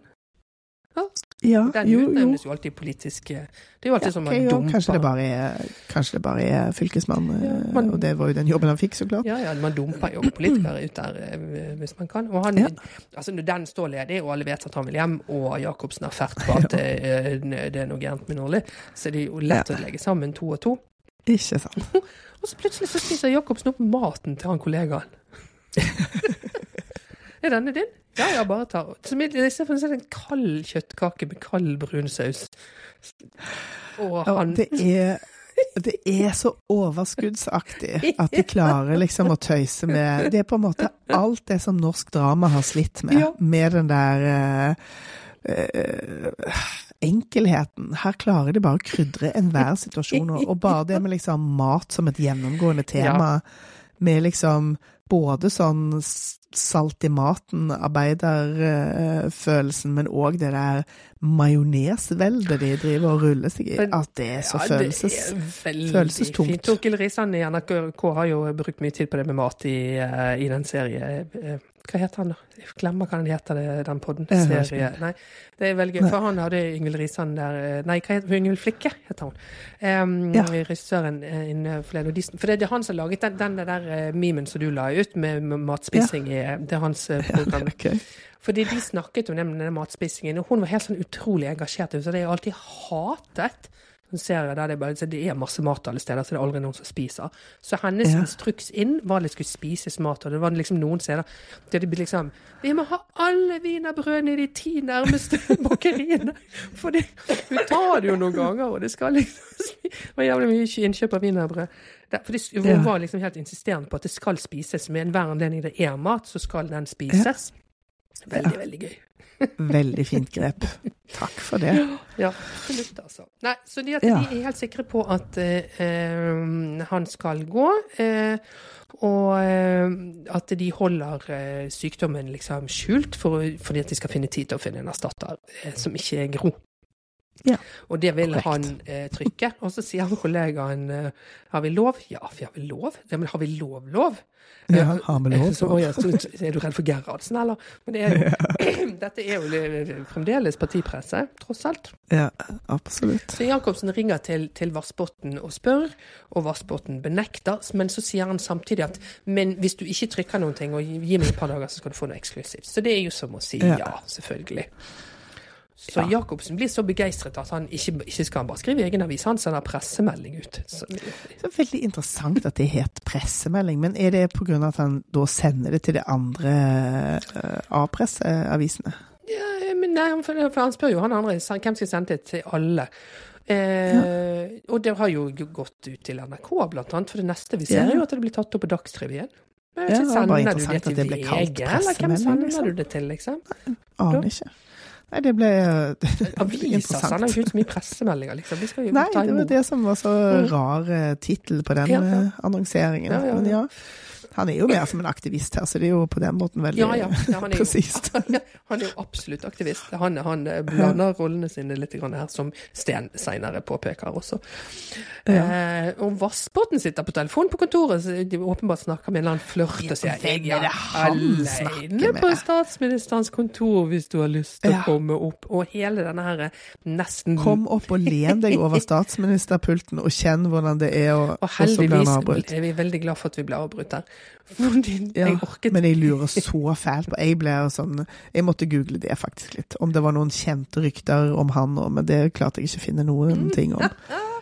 Men det er jo veldig rart å liksom på en måte karikere en eh, levende mann på den måten, hvis det ikke var vel kjent at han eh, var en damenes mann. Ja, det kan jo ha vært konen, liksom. Klarte ikke å bekrefte at han var gift heller. Nei. Nei. Det er Så interessant. Men, men jeg er i hvert fall veldig takknemlig for at den setningen ikke ble fullført. fordi at her kommer Dagsrevyen. og Herbjørn Sørebø som, som eh, sier at det liksom A-pressen melder eh, at eh, Nordli skal gå. Eh, og Nordli og, og Vassbotn sa Hen, Nordli, skjønte du hvor Nordli var her? Nei. Nei, ikke jeg heller. For det, det ser ut som han er på liksom Er det konserthuset? Er det for, Men så kommer Ja, han ut med det ser ut som Konserthuset. for han kommer liksom ut med et glass champagne òg, så det er jo en eller annen form for anledning. Ja, da har de vært en eller annen greie. Ja, Ja. jeg ble, jeg ble litt irrig. Nå skal jeg i Konserthuset neste uke, så da kan jeg se om jeg kan finne Jo, men ut av det det. altså Jeg var i Konserthuset Ja. i fjor, det var Konserthuset. Ja, nettopp. Det ser akkurat ut sånn. Det der. Eh, så da akkurat. var han på konsert, får man anta. Ja, det, og med, med, med sånn sjampis-greier. Det må ha vært noe sånn Ja. mottagelseaktig noe, da. Ja, det fikk han ikke lov til. Nei. Og han blir jo sur, Han blir jo sur, så klart. selvfølgelig. Ja. Det, og de blir rasende, kommer opp på kontoret der, og Leverås eh, sier at eh, for dette, nå samler de troppene, og han sier at ja, Jacobsen har holdt på med dette lenge. Han vil ha Gro, liksom. Det er, han Mm. er, holder på med dette. Vassbotn setter i gang for, for å prøve å stoppe morgendagens avis. Ja. Eh, og, eh, du, og nå ringer han ned igjen og sier hva faen er det du holder på med. Og nei, nei, alt er bare ljug. Det er ikke sant. Du må bare Og få de til å lage en side til. Og, og Arbeiderbladet kom ut med to forsider den dagen. ja, Ja. ok. Så de rakk å liksom få igjen eh, Mm. På trykk og, og ut før eh, de ble korrigert. Ja, det det, det er jo litt sånn pussig, for vi ser jo på kontoret at de sitter og tegner ut to sider liksom samtidig. Eller vi ser den ene, men det kan jo være den ene som har gått i trykken og så kommer den neste. Jeg vet Antageligvis. ikke. Men, ja.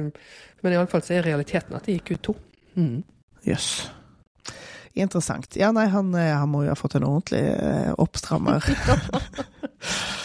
Jacobsen. Men eh, Nordli sier òg eh, før, før de har klart å true til seg nye eh, forsider, så er han jo veldig opptatt av at jeg vil, jeg vil gjøre det ordentlig, min måte, mine ord. Ja. Og det, det er liksom en så sterk setning at jeg tenker at det er nok henta fra en eller annen biografi som jeg ikke har tenkt å lese. Det tipper jeg òg. Fordi at Ja. i det øyeblikket Vassbotn kommer sånn gledestrålende tilbake og sier 'Jeg har fått de til å trykke ny forside', så Ja. sier Nordli 'Nei, vi stopper Nei. her. Vi gir oss her', sier han. Vi gir oss her. Mm. Og nå er det altså så mye Nå er det så mye The Crown uh, Churchill-vibber her at det, det, nå jeg, det er nå jeg uh, blir, uh, blir, på gråten. Fordi her klarer de liksom å bare binde alt dette sammen opp til en høyere enhet, og, og Nordli sier de ligger fortsatt der ute. Um, ja. Og i denne scenen så får jeg en sånn Altså, jeg fikk en følelse av en sånn det er på en måte det ansvaret som tynger, ikke bare hodet. Og det skal jo bli eh, mm. bekrefta litt seinere.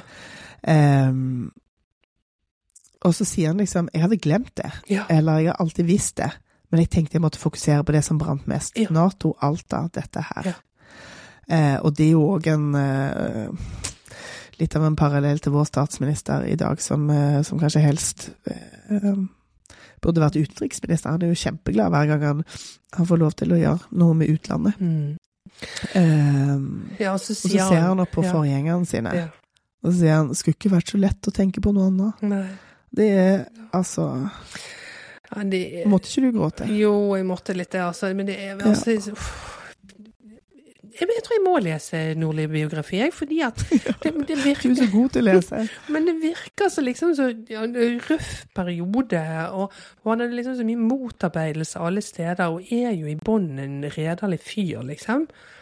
Mm. Eh, og den der skammen her, liksom Jeg glemte det. Jeg har glemt mm. det. Og det er jo så klart ikke han. Det er jo arbeiderbevegelsen ja, ja, som snakker. Selvfølgelig. Eh, ja, nei, dette er det er kjempesterkt mm. og veldig fint. Og samtidig overtydelig og subtilt. Mm. Ja, ja, det er det som er så fint, at det går an å gjøre begge deler. Så fint. Ja. Ja. Nei, og det som um, skjer videre, er jo at Oddvar sitter og jobber på, på ta avgangstalen sin, da. Eh, og så ja. sitter plutselig Engen i sofaen der, og er også veldig sånn alvorlig, ikke noe sånn tullete lenger. Og sier at jeg har litt dårlig samvittighet, egentlig, for Oddvar. Fordi jeg trodde han var veik, eh, liksom, og bare brukte den hodepinen som en sånn kjerringunnskyldning. Ja, kjerringgreie. og så forklarer han, og det er jo veldig fint at han får gjøre den forklaringen med den selvmordshodepinen, ja. og hvor jævlig det er. Og eh, sier at han var ikke veik i det hele tatt, typen var knallhard. At han har hatt det liksom i flere ja. år. Og, og forklarer om hvor, hvor, ille den hodepinen er. Ja. Og så er det pressekonferanse dagen etter. Litt irritert. Ja. Tenker du ikke Jakob som har vært dritirritert på at han byttet den forsiden? Tuller du? Han fremstår jo som en som skikkelig ynkrygg. Ja, det, ja. Det, eh, Men tenk det ballegrepet du hadde på det ja, Ja, ja, ja. Det er veldig rart.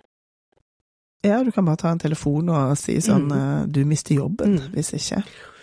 Og den pressekonferansen så ser jeg Gro og Førde ser det på TV, og Førde ser liksom meningsfullt på Gro. Og samtidig så klipper vi til han Ingjald, som snakker med en annen på telefonen og sier ja, han annonserer nå, send alt vi har til partikontoret.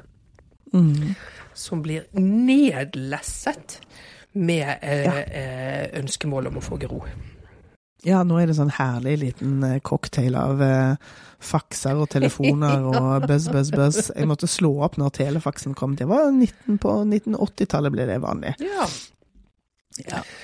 Eh, hva ja, altså, jeg hadde mye kos med faks i min tid eh, i oljebransjen, for da var det mye faksing fram og tilbake. Og da sendte da hadde man liksom kompiser på andre kontor, så drev man og sendte vitser på faks til hverandre. Drev du med faks i dine sommerjobber? Ja da, absolutt. Eh, drev med faks i sommerjobber. Jeg drev med faks når jeg hadde fått ordentlig voksenjobb òg, jeg, i 98. Ja.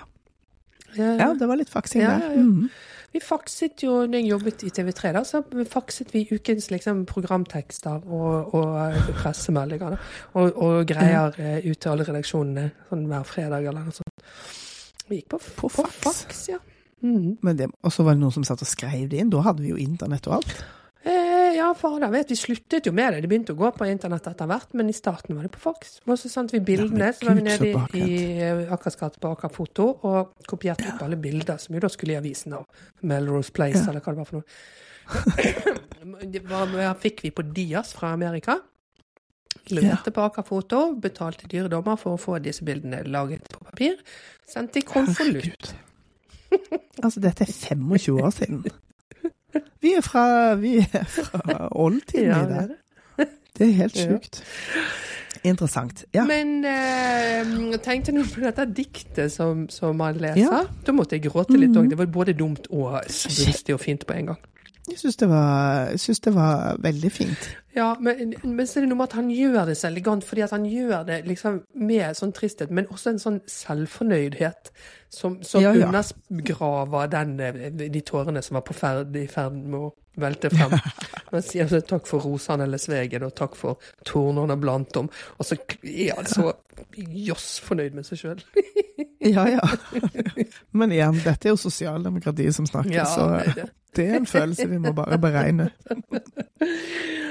Åh, Jesus. Det, det, Ja. altså den scenen når de går tilbake etter den pressekonferansen, da er det Leverås eh, og Nordli over spotten. Nordli har blomster i hånden. Og så den byggeplassen som er i Akersgata.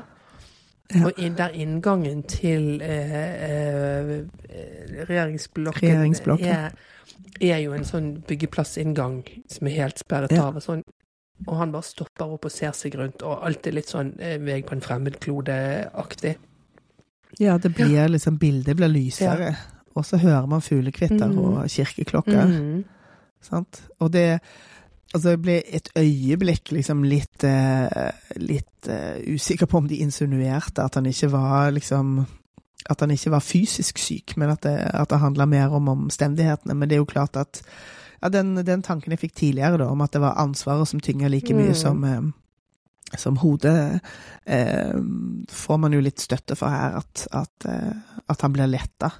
Og så blir han jo et annet menneske. Ler og drikker sprit og på, ja, Drikker sprit på en gøy måte, ikke sånn som vi har sett han Nei, det var videre. en gøy måte. Men, Ja. men jeg tenkte jo også på at liksom hele den der eh, forfremdungen i, i eh, moderne Akersgata og resultatet av bombingen og alt det som gjør at Akersgata ser ut sånn som den gjør på dette bildet her, at den nærmest har et sånn fremtidsglimt eh, eh, sjøl der, da, siden han er litt sånn ut av, ut av kroppen-opplevelse.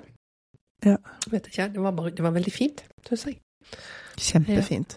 Og litt sånn føler at han rundes av som, eh, som karakter og som historisk Mm. skikkelse. Uten at eh, Jeg syns ikke man kan si at dette støtter opp under hele det der eh, bygdetulling-greiene som folk har kritisert. Nei, Um, og så er det jo ikke Ikke en bygdetulling, men det er en bygdefyr, liksom. Det er ikke noe galt med det. Det er veldig gøy når de de liksom i den nærmeste Nei, nei, men altså, det er ikke jeg som Nei, sier at han er en Men jeg syns folk er liksom irriterende når de At Ja. de, de, går, de hopper så fort inn i at å ja, det er noe galt med det, da. Å være sånn bygdefyr som vil til bygda.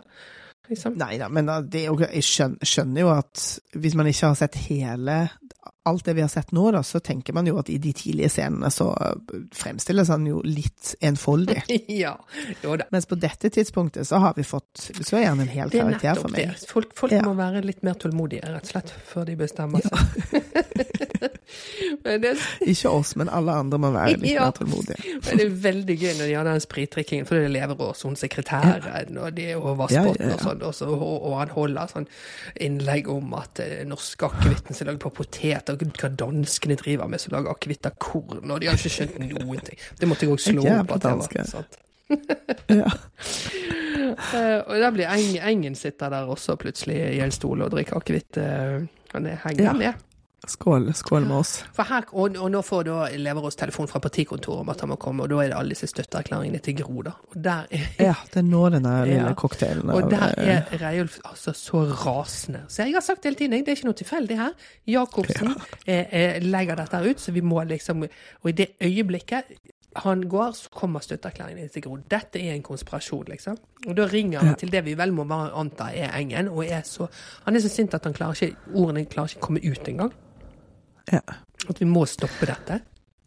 Ja. Ja, ja, og, og Førde er innom der en tur og sier ja, folk er på jobb, da. og det er jo akkurat det de er, på en eller annen måte. For det altså Førde i denne sammenhengen eh, eh, velger de å bruke som en eller annen form for realist. Eh, og, og hva skal man si I, Ikke en ideolog, i hvert fall. En som bare tenker Folk, folk kommer til å spille spillet, og nå spilles det Ja, spillet. han er jo en kyniker som er ganske komfortabel med å være en kyniker. sant? Ja, nettopp. Står godt i det. Og, Ja. og Gro blir jo her da eh, For det er masse pressefolk eh, som sier «Ah, 'Skal du bli statsminister? Hva skjer?' Skal skje? Nei, og det, da skal de ha et seksmannsutvalg som skal møte på søndag. Og det, Ja. det er jo veldig jeg synes det er stress å kalle det det når det egentlig er partiledelsen. Altså det, for det høres nok bare mer sånn konspiratorisk ut. Ja, det er veldig rart. Det er jo en utvidet eh, partiledelse. Men jeg lurer på Altså, jeg satt og ta talte der rundt bordet. Eh, altså, Bratteli er jo så glad han ikke er med i eh, Ja, partiledelsen, så det er jo derfor han som eh, parlamentarisk leder er han vel det? eh, Ja, på den måten. Ja, da tenkte jeg liksom på det hellige, den hellige treenighet. Men er Gro medlem av seksmannsutvalget? Fordi hun sier jo at altså hvis ikke, så er det jo ikke sex rundt det bordet. Nå blir Jo, det men som nestleder er hun vel det? Ja, det er det jeg Mhm. tenker. Men hun sier jo selv at jeg er også invitert til det møtet. Um, så, så er hun der kun som Det må hun jo være kun som nestleder. Ja, det tenker jeg at hun er der som nestleder, og at hun dermed må være der. Og det har jo foregått møter før der hun ikke har blitt invitert, så Åpenbart. Ja, Mm. ja ok, fint. Og så er det Rolf Hansen, så Ja. som blir invitert etterpå. Men det kommer vi Ikke til. sant? Fordi at før, Ja. før vi kommer dit, så har eh, Så ser vi òg i sånne overvåkningsaktig filmet at Gerhardsen snakker med faren til Gro. Eh, Ja. Som Gubbe Harlem, kaller vi det. artig nok ble han kalt gubbe.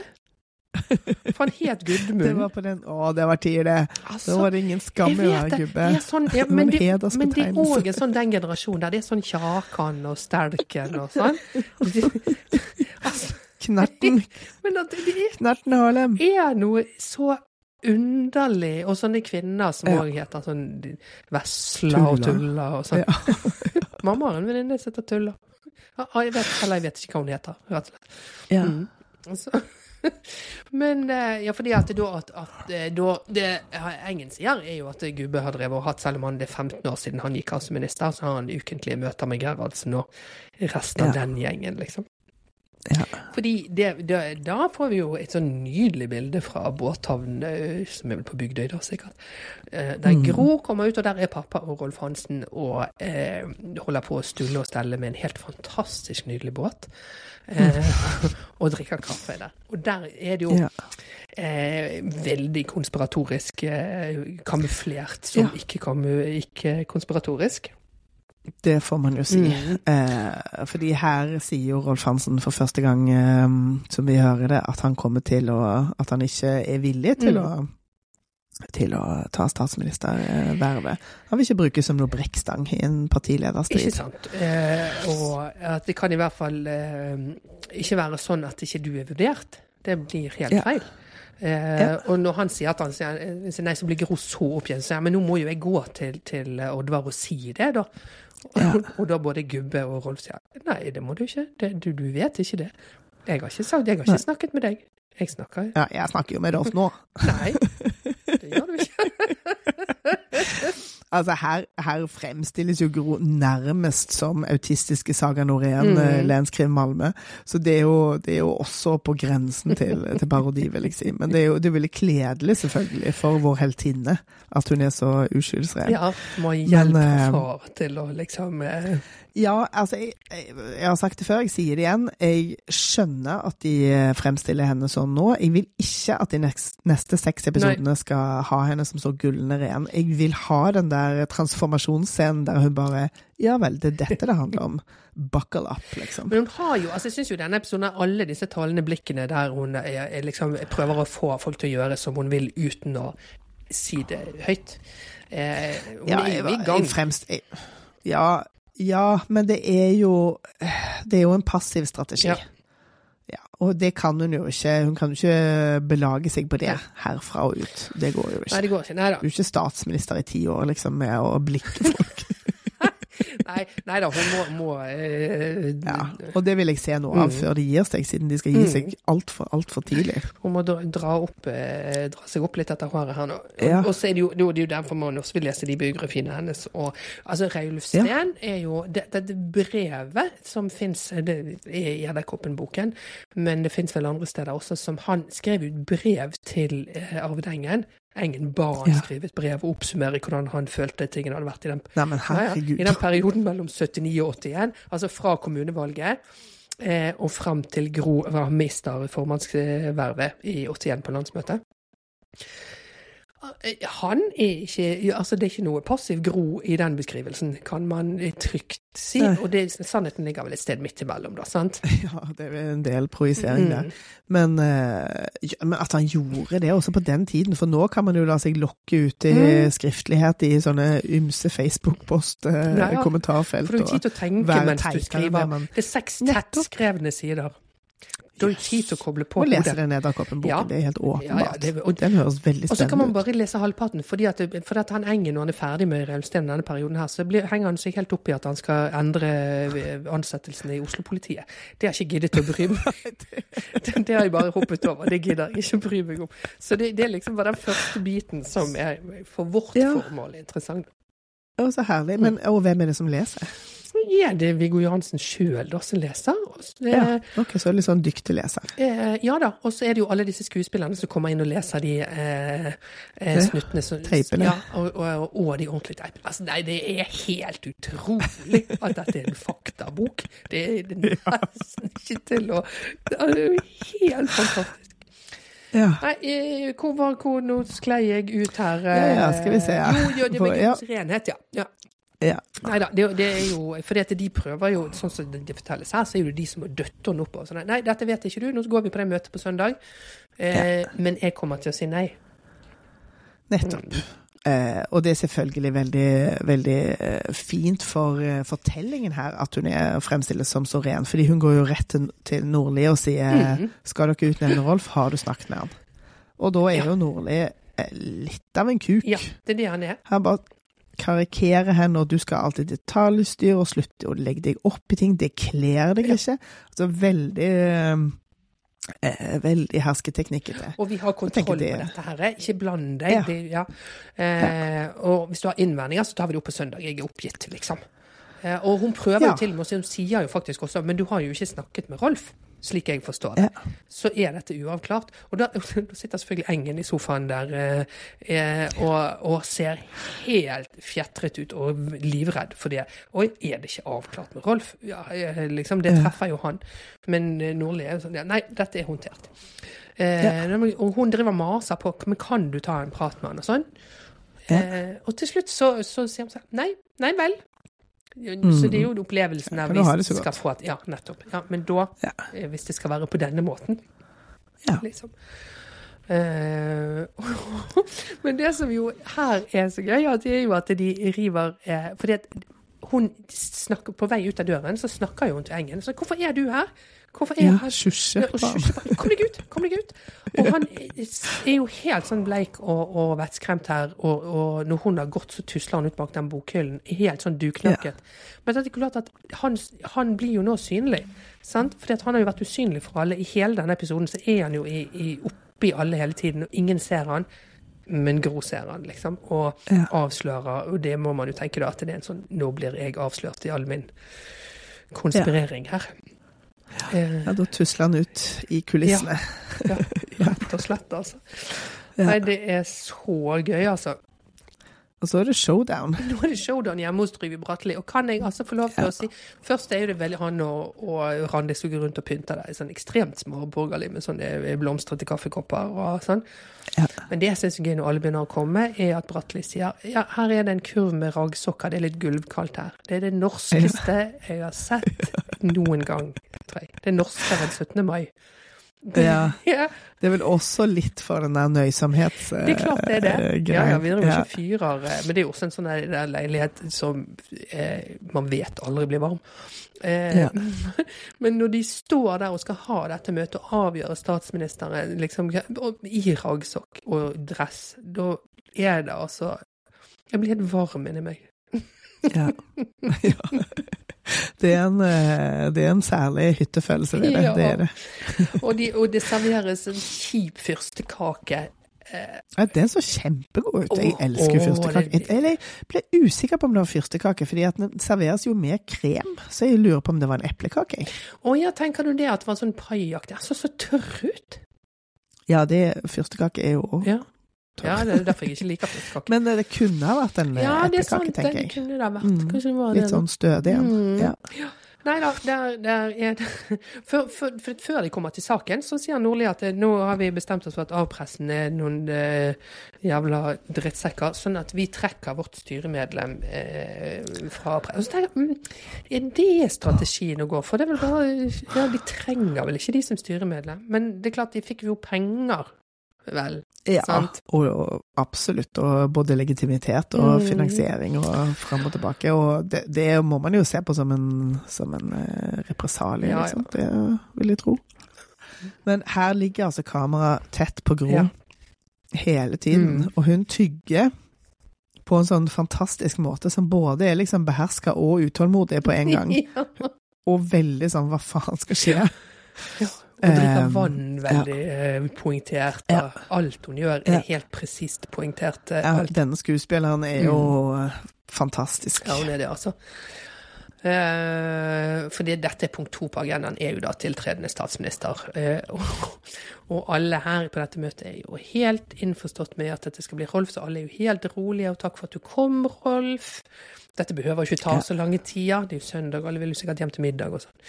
Og det er sånn smug smiles rundt hele bordet. Eh, Eh, og han sier at det er min overbevisning at eh, Rolf bør ta over, og, og alle støtter det. De går rundt bordet og sier ja, jeg støtter det, støtter det, støtter det. Og så sier Gro ja, hvis Rolf vil det selv, så bifaller også jeg. For hun vet jo Ja. at Rolf ikke vil. Så ordet til Rolf. Og Rolf sier nei, det vil jeg ikke. Jeg er ikke kandidat. Ja. For det er udemokratisk. Prosessen har vært udemokratisk. Ikke sant? Og ikke nok med det. Hun bør òg bli partiformann, Ja, siden dette er bevis på en partiledelse som ikke evner å drive en ryddig og demokratisk prosess. Og han, dette er en veldig Damn. rolig måte å, å piske folk på. Altså, han, den, den eh, talen hans der, den er, den er eh, poengtert og gjennomtenkt. Ja. Og at dette her går ikke. Sånn her kan, skal vi ikke ha det. Nei, sånn skal vi ikke ha det. Mm.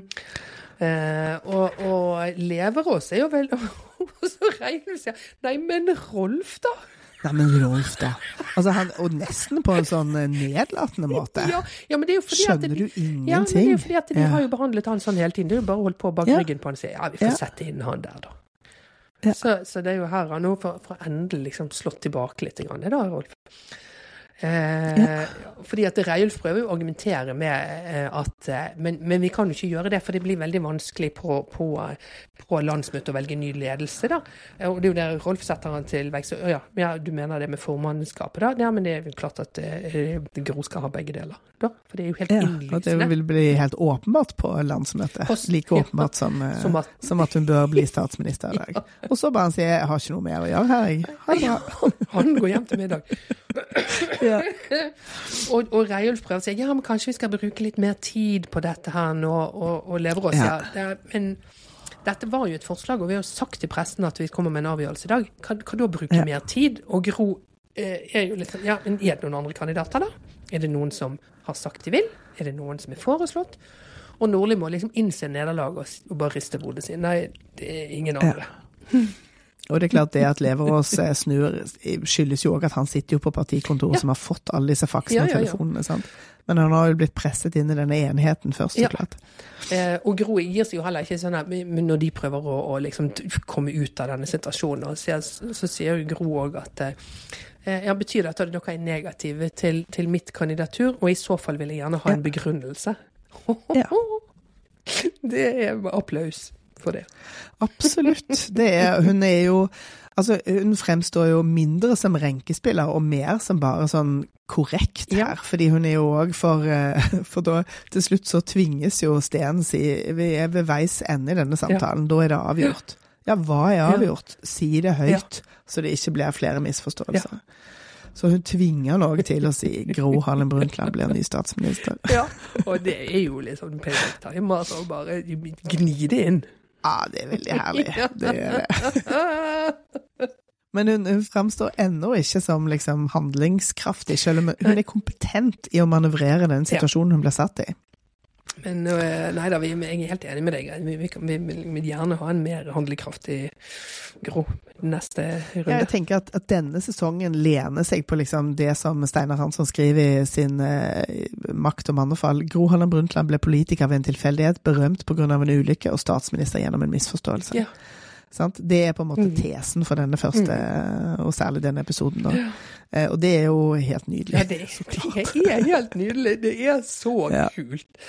Det er veldig gøy, og helt Ja, helt, helt sykt. Så slutter vi her med at det, det står en bil utenfor og venter på Grå, eh, og det er masse pressefolk der. Så nei, øh, og det den bilen kjører hun hjem. Utover mot Bygdøy ser vi vel sånn tydelig ut av vinduet. Eh, for det er jo Altså, også symboltungt. eh, Liksom. Ja, det blir mørkt på en femøring der. Ja, eller, eller så blir det mørkt fordi at vi skal skjønne hvor langt unna Ja, hvor langt unna hun bodde, liksom. Mm. Altså både symbolsk og Mm. ja det kan du si.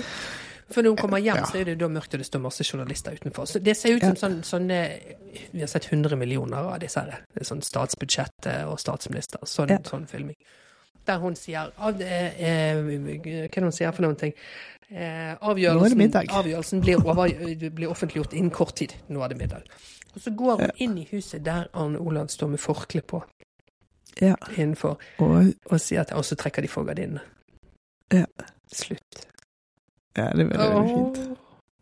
Det er jo òg fint, fordi eh, vi som alle andre spekulerer jo Det blir jo så både Se og Hør-aktig og selvfølgelig interessant når du er den første kvinnelige politikeren som, Mm. eh, som har den rollen som Gro. Så blir man jo helt urimelig interessert i akkurat det forholdet mellom de. Men det er jo veldig blackboxed for oss, antar jeg. Hvis ikke du har lest noe spennende som du kan fortelle. Nei, men nå har jo Arne Olav har jo gitt ut to bøker av Gift med Gro, og fortsatt Gift med Gro. Jeg har jo lurt på om jeg må lese de òg, jeg Å, han kunne ha hjulpet med litt uh, tittel, men eh, ja ja, hvis, hvis det ikke er en eh, Det er jo en eh, Men jeg tenker den første, det er jo ok, hjelp med tittelen. Men når du gir ut bok nummer to, som heter Fortsatt gift med Gro, da er det bra. Da tenker jeg, da er, da er det gøyalt. Ja, for det er mange lag i den, Mm. tenker jeg. Ja. Tenker på andre politiske ekteskap i offentligheten, så, så tenker man eh, at det har mange, mange nivåer av betydning. Ja.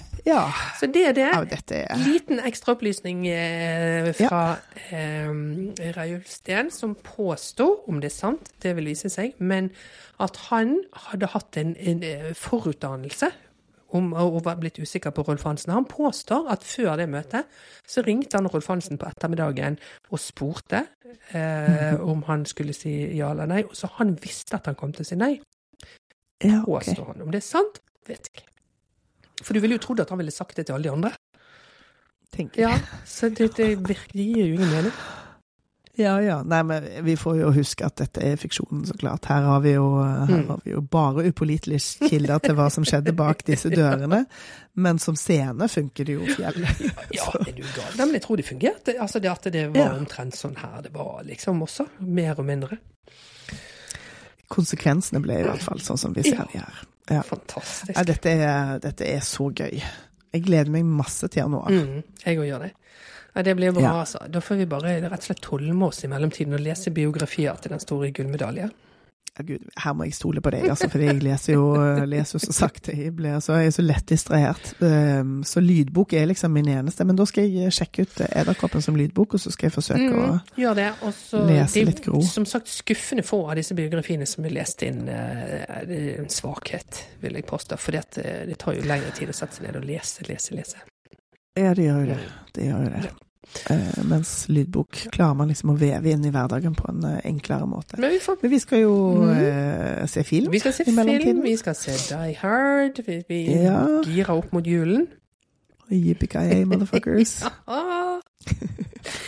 Og det som jeg leste nå, og som jeg også har hørt i Døtrene, han snakker om at i den første Die Jeg bare slipper en liten snippet her i nå. Eh, At i den første Die Hard-filmen, så eh, fordi de brukte sånne løse kuler som lagde ekstra mye lyd, så han mistet to tredjedeler av hørselen sin på det ene eh, øret under innspillingen. Yes. Og dette med hørsel og demens, det vet jo Ja, det vi om at det er en link mellom. Ja. Så kan hende Dette vet vi Nei, jo men ikke, oi. men det kan hende at denne filmen hadde katastrofale følger for Bruce Willis. Nei, men det var jo en veldig trist måte å introdusere den filmen på. Det visste jeg ikke. Det var det.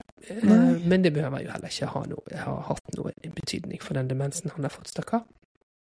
Nei, nei, det er jo mange årsaker til at man får demens. Men jeg har òg lest eh, nettopp dette, og det virker så intuitivt òg, at hvis du ikke får liksom bra nok stimuli Mm. utenfra, så blir òg hjernen slappere, Mm. liksom. Det er min vitenskapelige tilnærming.